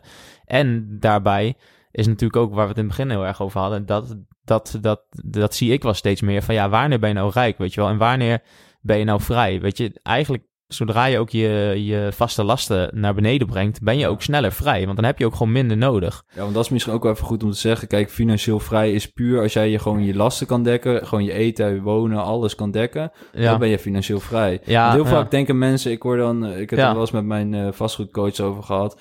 En die zegt van ja, heel vaak denken mensen, Mhm. die vraag, dan stelt zij de vraag van ja, welk bedrag heb je nodig om financieel vrij te zijn? En zeggen mensen 8000 euro. Ja, maar dat is niet wat je financieel vrij te zijn. Dat is wat je misschien wilt gaan verdienen. ja, maar om financieel vrij zeg maar, te ja. zijn, is Ja. gewoon letterlijk gewoon, wat zijn je kosten per maand? Ja, En als je die kan dekken, dan Ja. ben je financieel vrij. Want dan Mhm. hoef je in principe niet te werken om gewoon je, je standaard levensonderhoud te Ja, onderhouden. En dat Ja. is eigenlijk gewoon financieel vrij. En nou eigenlijk, hè, trouwens nog even iets anders. Want jij zegt nou net, die, eh, je begint met 5000 euro één keer en daarna leg je iedere maand 500 euro in. Mhm. En daarna kom je dan uiteindelijk eh, na een tijdje uit op 1,1 miljoen. ja. Maar daar hou je er eigenlijk helemaal geen rekening mee dat je dat maandbedrag ieder jaar eigenlijk nog een beetje kan verho- verhogen. Klopt. Als je ja, ieder klopt. jaar, als jij gewoon een Ja. fatsoenlijk En CAO hebt en en krijgt ja. ieder jaar, eh, eh, Ja. hoe dat? we- wat we net Ja, en je hebt je huis hoe- bijvoorbeeld betaal je verder af. kan je ermee doen? Ja, en daarbij inderdaad, je, je bent bijvoorbeeld als je in hetzelfde huis blijft wonen, ik bedoel, je huis betaal je ook verder af. Dan gaan als het goed is, je, je maandlasten, ja, ligt een beetje aan je, je vorm van hypotheek, maar je maandlasten gaan ook wellicht wel omlaag en je inkomsten gaan wellicht omhoog. Precies. En ja, dit is ook een voorbeeld. Hier zijn bijvoorbeeld de kosten van dat indexfonds al in meegenomen. Dus dit is gewoon echt hoeveel je portefeuille dan echt op dat moment waard is, zeg maar. Precies. Dus dat is na kosten. Hmm. Mooi. Ja, Ja, Prachtig. dat is wel een mooi voorbeeld om mee af te sluiten. denk Ja, ik. of hebben we verder nog Denk iets? ik wel. Staat hier verder nog iets? Nee, hè? ja, ja, de portfolio en strategie. Alleen dat is denk ik ook iets waar je, waar je echt in moet gaan verdiepen. En hoe ga je het dan verdelen? En ja, wat ik in ieder geval nog wel mee zou willen geven, is van kijk wel naar die spreiding. En dat je dus in verschillende asset classes zit. Omdat eigenlijk die spreiding is wel. Ja, ze zeggen wel eens dat is de free lunch onder beleggen in het, eh, in het Amerikaans. Maar dat, dat is Mhm. dus gewoon, dat is eigenlijk je, ja, dat is eigenlijk je, je bonus. Want als je spreidt, dan heb je altijd eh, een, een betere uitkomst, zeg maar. Ook in slechtere tijden blijft jouw portefeuille dan altijd beter staan. En dat, is, dat heeft zich gewoon Ja. bewezen in het verleden. Dus ja, daar zou ik wel mee af willen sluiten. Van ja, sta je niet helemaal blind op één asset class. Het begint natuurlijk wel gewoon ergens. En ja, kijk ook naar die spreiding van hoe ga je dat invullen. En eh, wat, wat voelt goed voor jou. En wat past natuurlijk bij je leeftijd en bij je beleggingshorizon. Ja. Hoeveel risico wil je nemen? Ja, dat vind ik wel een mooie afsluiter. Ja, Helemaal goed. ja Sluit hem af, David. jongens, ja, dan eh, zou ik jullie heel erg willen bedanken voor het luisteren. Ik zou het heel knap vinden als je tot hier bent gekomen Ik na ook. 1 uur en eh, wat is het, 15 minuten. Ja, zoiets. Nee, dat, eh, ja, dan eh, wil ik En jullie heel erg even een eh, kleine disclaimer, Oh ja. denk ik. Ja, we moeten natuurlijk een kleine disclaimer nog eh, aan vastmaken. Wij zijn natuurlijk geen eh, financieel experts en wij, eh, ja, wij, wij zoeken natuurlijk gewoon dingen uit die we leuk vinden. En we willen dat graag met jullie delen, maar het is ook absoluut geen advies. En ja, doe ermee wat je wilt, zou ik zeggen. Wij spreken gewoon over onze eigen ervaringen. Ja, juist. Dat is het. Ja, that's it. Doe ermee wat je wil. Ja, en daarnaast wil ik jullie ook graag uitnodigen, mochten er nog vragen zijn en ja, mochten jullie nog dingen willen weten. Of mochten jullie op dingen willen wijzen die wij nog niet te weten, Ja, beter graag. gezegd. Graag. Geef Graag. feedback. Geef Feedback. feedback. eh, stel vragen. eh, bel ons, mail ons, app ons. Ook als je dingen wil weten over, eh, over beleggen. Is allemaal mogelijk. En Gooi je ook even je nummer dan. Ja, ik Ja, wil het zeggen. Hoe heb je telefoonnummer op de website? 061835. Ja, je bent niet goed. Je bent gek, 7182. man. Je bent gek. En ehm, ja, bel of appen kan altijd. Nee, ehm, ja. Dus als je, als je iets- ons iets wil vertellen wat we nog niet weten, dan mag ook. En eh, we zien jullie graag in de volgende aflevering. Dank jullie wel. Hey, dankjewel. Fijne dag.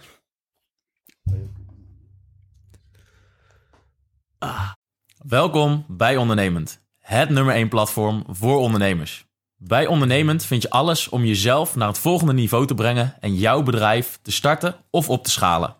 Bij Ondernemend bieden we een netwerk met de beste ondernemers van Nederland. Gecombineerd met kennis en een hechte community. Met de kennis van ons platform krijg jij als ondernemer meer structuur, rust, cashflow en vervulling. Ondernemend is jouw sleutel tot een nog succesvollere ondernemersreis. Dus wil jij samen met ons jouw maximale potentieel benutten? Join dan onze community.